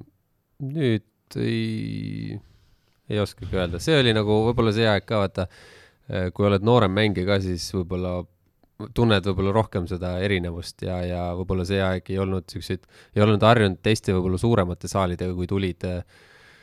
Raba oli sihuke parajalt mõnus väike ja sihuke polnud midagi, noh, mina kui Türilt tulin, oli väga väiksed, väiksed saalid meeldisidki, oligi väga tore oli võib-olla Võrus mängida või midagi siukest on ju väikses saalis, aga kui hakkasid suured saalid tulema, siis esimese hooga oli võib-olla igal pool sihuke natukene veider võib-olla ja kui Tartus seal ütleme, A Le Coqid ja siuksed asjad tehti ja, ja nii edasi, et siis, siis võib-olla oli algus äh, imelik.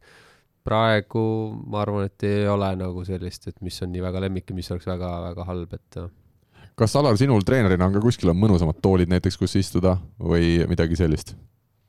ei no kõige mõnusam on oma kodusaal ja Tartu Ülikooli spordihoone saal, olgugi et Rene siin eelmistes saadeteski on seda valgustust kirunud, siis äh, sul on ikkagi tribüünid, sul on äh, ruumi, sul on valgust, sul on kõrgust. aga kui rääkida nüüd sellest, et milline on kõige äh, noh, nii visuaalselt kui ka kus on mõnus olla, eeldab muidugi tuhandeid inimesi, siis ma arvan, et number üks on Eestis ikkagi Saku Suurhall mm. -hmm. et äh, Tondiraba teine selline suur võistlussaal on natukene, noh, kuna ta on ikkagi jäähall, siis teatud asjad on kaugel, palju on sellist tühja ruumi ja tondiraba nii mõnus, nii mugav ei ole ja seal on palju sellist äh, tumedat musta ka. et muidu mulle need puitdetailid ja see osa seal väga meeldib äh, feeling'u tekitamise mõttes. aga, aga suurtest saalidest number üks on ikkagi Saku. aga kui nüüd rääkida mugavatest toolidest, siis äh, Poolas ja Šembje on üks selline koht, kus on äh, sellised oranžid äh, treeneritoolid, mis on äh, kõrge seljatoega ja päris mõnusad, pehmed ja reguleeritavad, et äh, seal on väga mõnus istuda. ma ühe näitena selle tondiraba on, see on jah vastik, et sul on tribüünid nagu kaugel ja nii edasi, aga üks asi, mis võib-olla ma olen osade mängijatega rääkinud, kelle, kellele meeldib ka, tumedad saalid on selles mõttes hästi, et pall on tegelikult jube hästi näha et kui need lähevad vaata hästi siukseks kirjuks ja heledaks, siis, siis võib-olla isegi kaob rohkem see nagu plats ära, et tumeda, tumeda saaliga on see üks eelis, aga, aga jah, Tondirabas on selge see, et ta on ikkagi jää all ja, ja rahvas on väga kaugel ja, ja, ja on siuksed ütleme, parameetrid võib-olla natukene kaovad ära. mulle, ma toon siis oma näite ka, ütleme lemmikutest jutumärkidega, on need Eesti võimlad, kus Rahvaliigat saab mängimas käia, kus sa tuledki diagonaali näiteks ühe pealt rünnakule, tuled sealt siis väljakult nagu eemal, eks, eemalt, eks ole, nii nagu diagonaalid peale tulevad, nad ei ole päris väljaku peal. aga selleks, et sealt väljaku kõrvalt peale tulla, pead sa siis minema kas läbi seina või nende väljaku ääres olevate pisikeste pinkide, et äh, need on toredad saalid need on toredad saalid. Need on kõige paremad, jah. Need on kõige paremad. Aga meie võtame siit täna ette oma viimase küsimuse, sest meil hakkab tõesti saateaeg saatel osalejatel äh, siis läbi saama.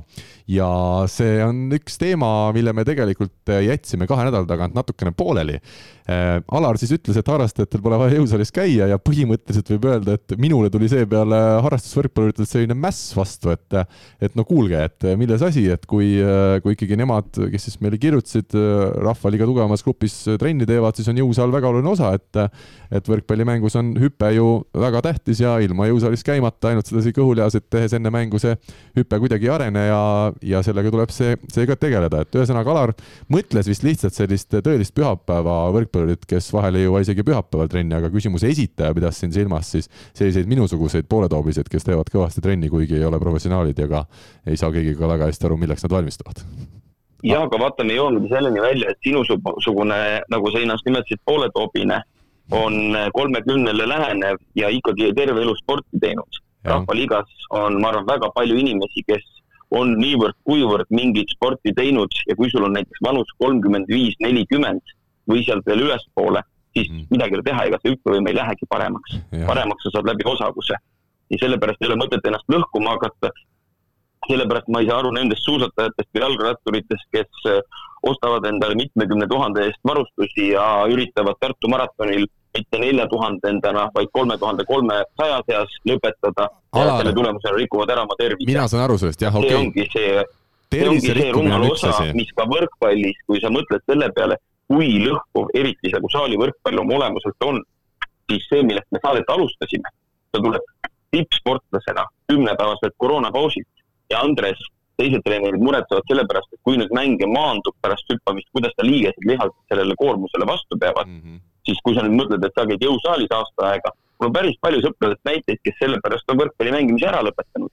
Nad ongi olnud vanuses kolmkümmend pluss hakanud tegema trenni, väga tõsiselt tegelenud ka jõusaalis selle spordiga.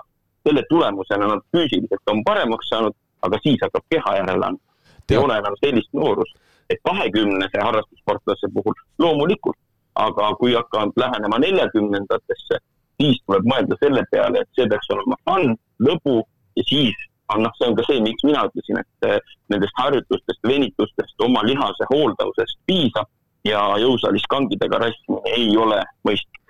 jah, et, et see kangidega peab puhtalt olema ikkagi selline nii-öelda abistav sellele, et kui sul on juba mõni koht haige, et sa seda, seda sealt kõrvalt ütleme, et põlv on haige, et siis sul ongi vaja natukene võib-olla hoida mingit toonust seal, et, et ta ei läheks hullemaks, aga, aga see, et sa nüüd hakkad raskusi kõvasti peale panema ja, ja nüüd arvad, et sa nüüd hakkad kõvasti rohkem hüppama ja läheb kõik palju paremaks, siis, siis see on jah keeruline, et, et kui sa lähed jõusaalis, sa pead olema seal väga targalt äh, käituma, et sa tegelikult endale rohkem haiget ei teeks. Alar, ma ütlen vahele lihtsalt, et sa siin ütlesid, et sa ei saa aru, miks inimesed seda teevad. jah, seda on raske mõista, eriti kui me räägimegi sellest, et inimene hakkab lõhkuma oma tervist sedasi treenides, liiga palju siis treenides, harrastaja, kes kasvõi ongi liiga hilja hakanud üldse trenni tegema ja seal neljakümnendates eluaastates seda teeb.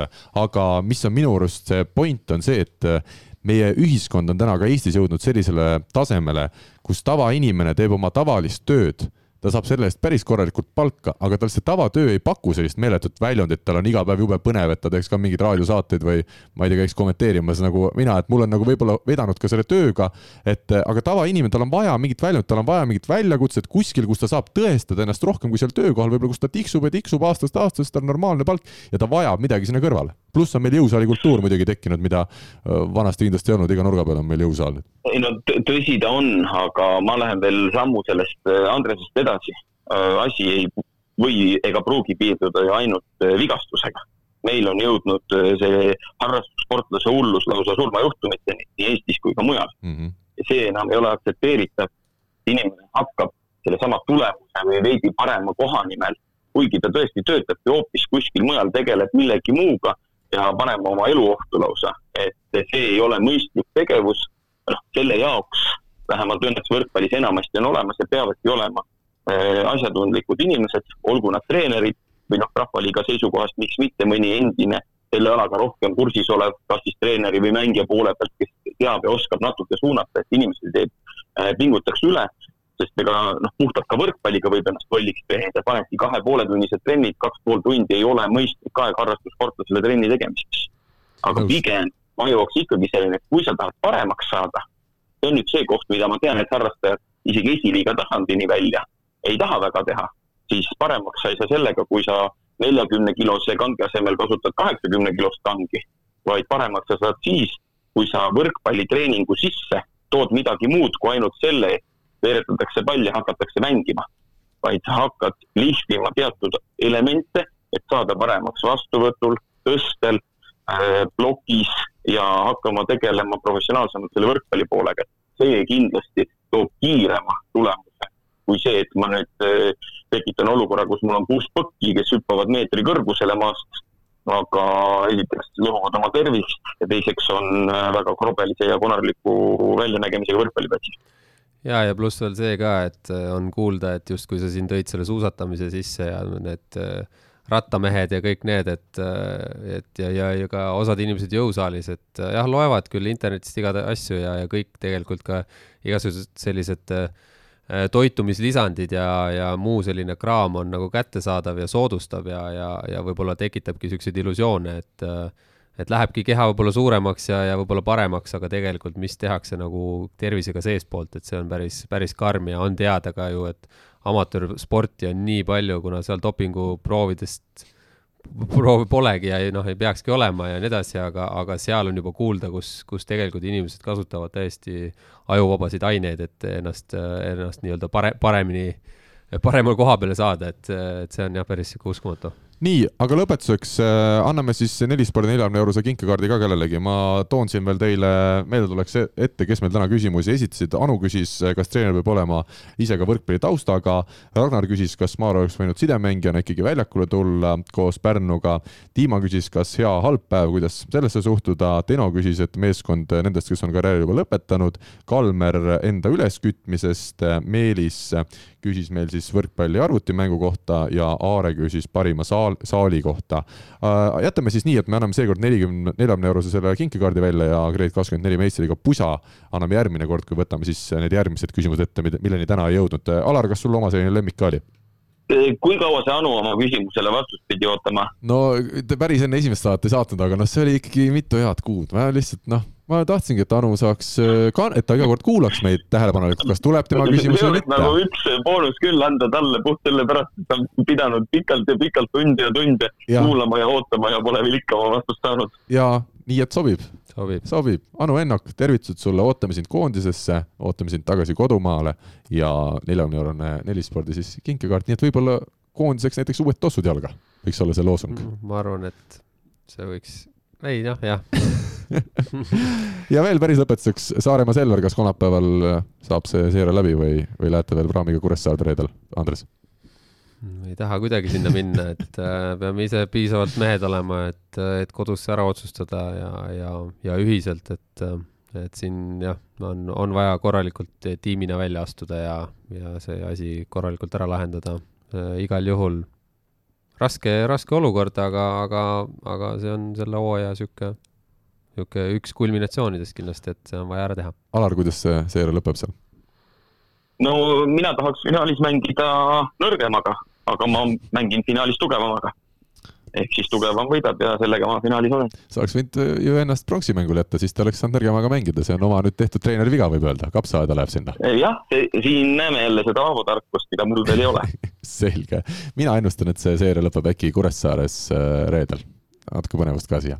aga selline tänane saade saigi, uuesti oleme eetris juba uuel nädalal, mil on saanud selgeks, kas Selveri mehed heitlevad siis tänavu Eesti meistrivõistlustel tartlastega kulla või päänakatega pronksi eest ja ühtlasi on selleks ajaks ka esimesed kullamängud juba peetud. meie aga soovime teile kõigile ilusat kevade jätku ja kuna väljus on üha soojem, siis minge julgelt juba ka ise võrku mängima. kohtumiseni! tšau! head aega! Eesti kõige põnevamad podcastid on Delfis, kuula tasku.delfi.ee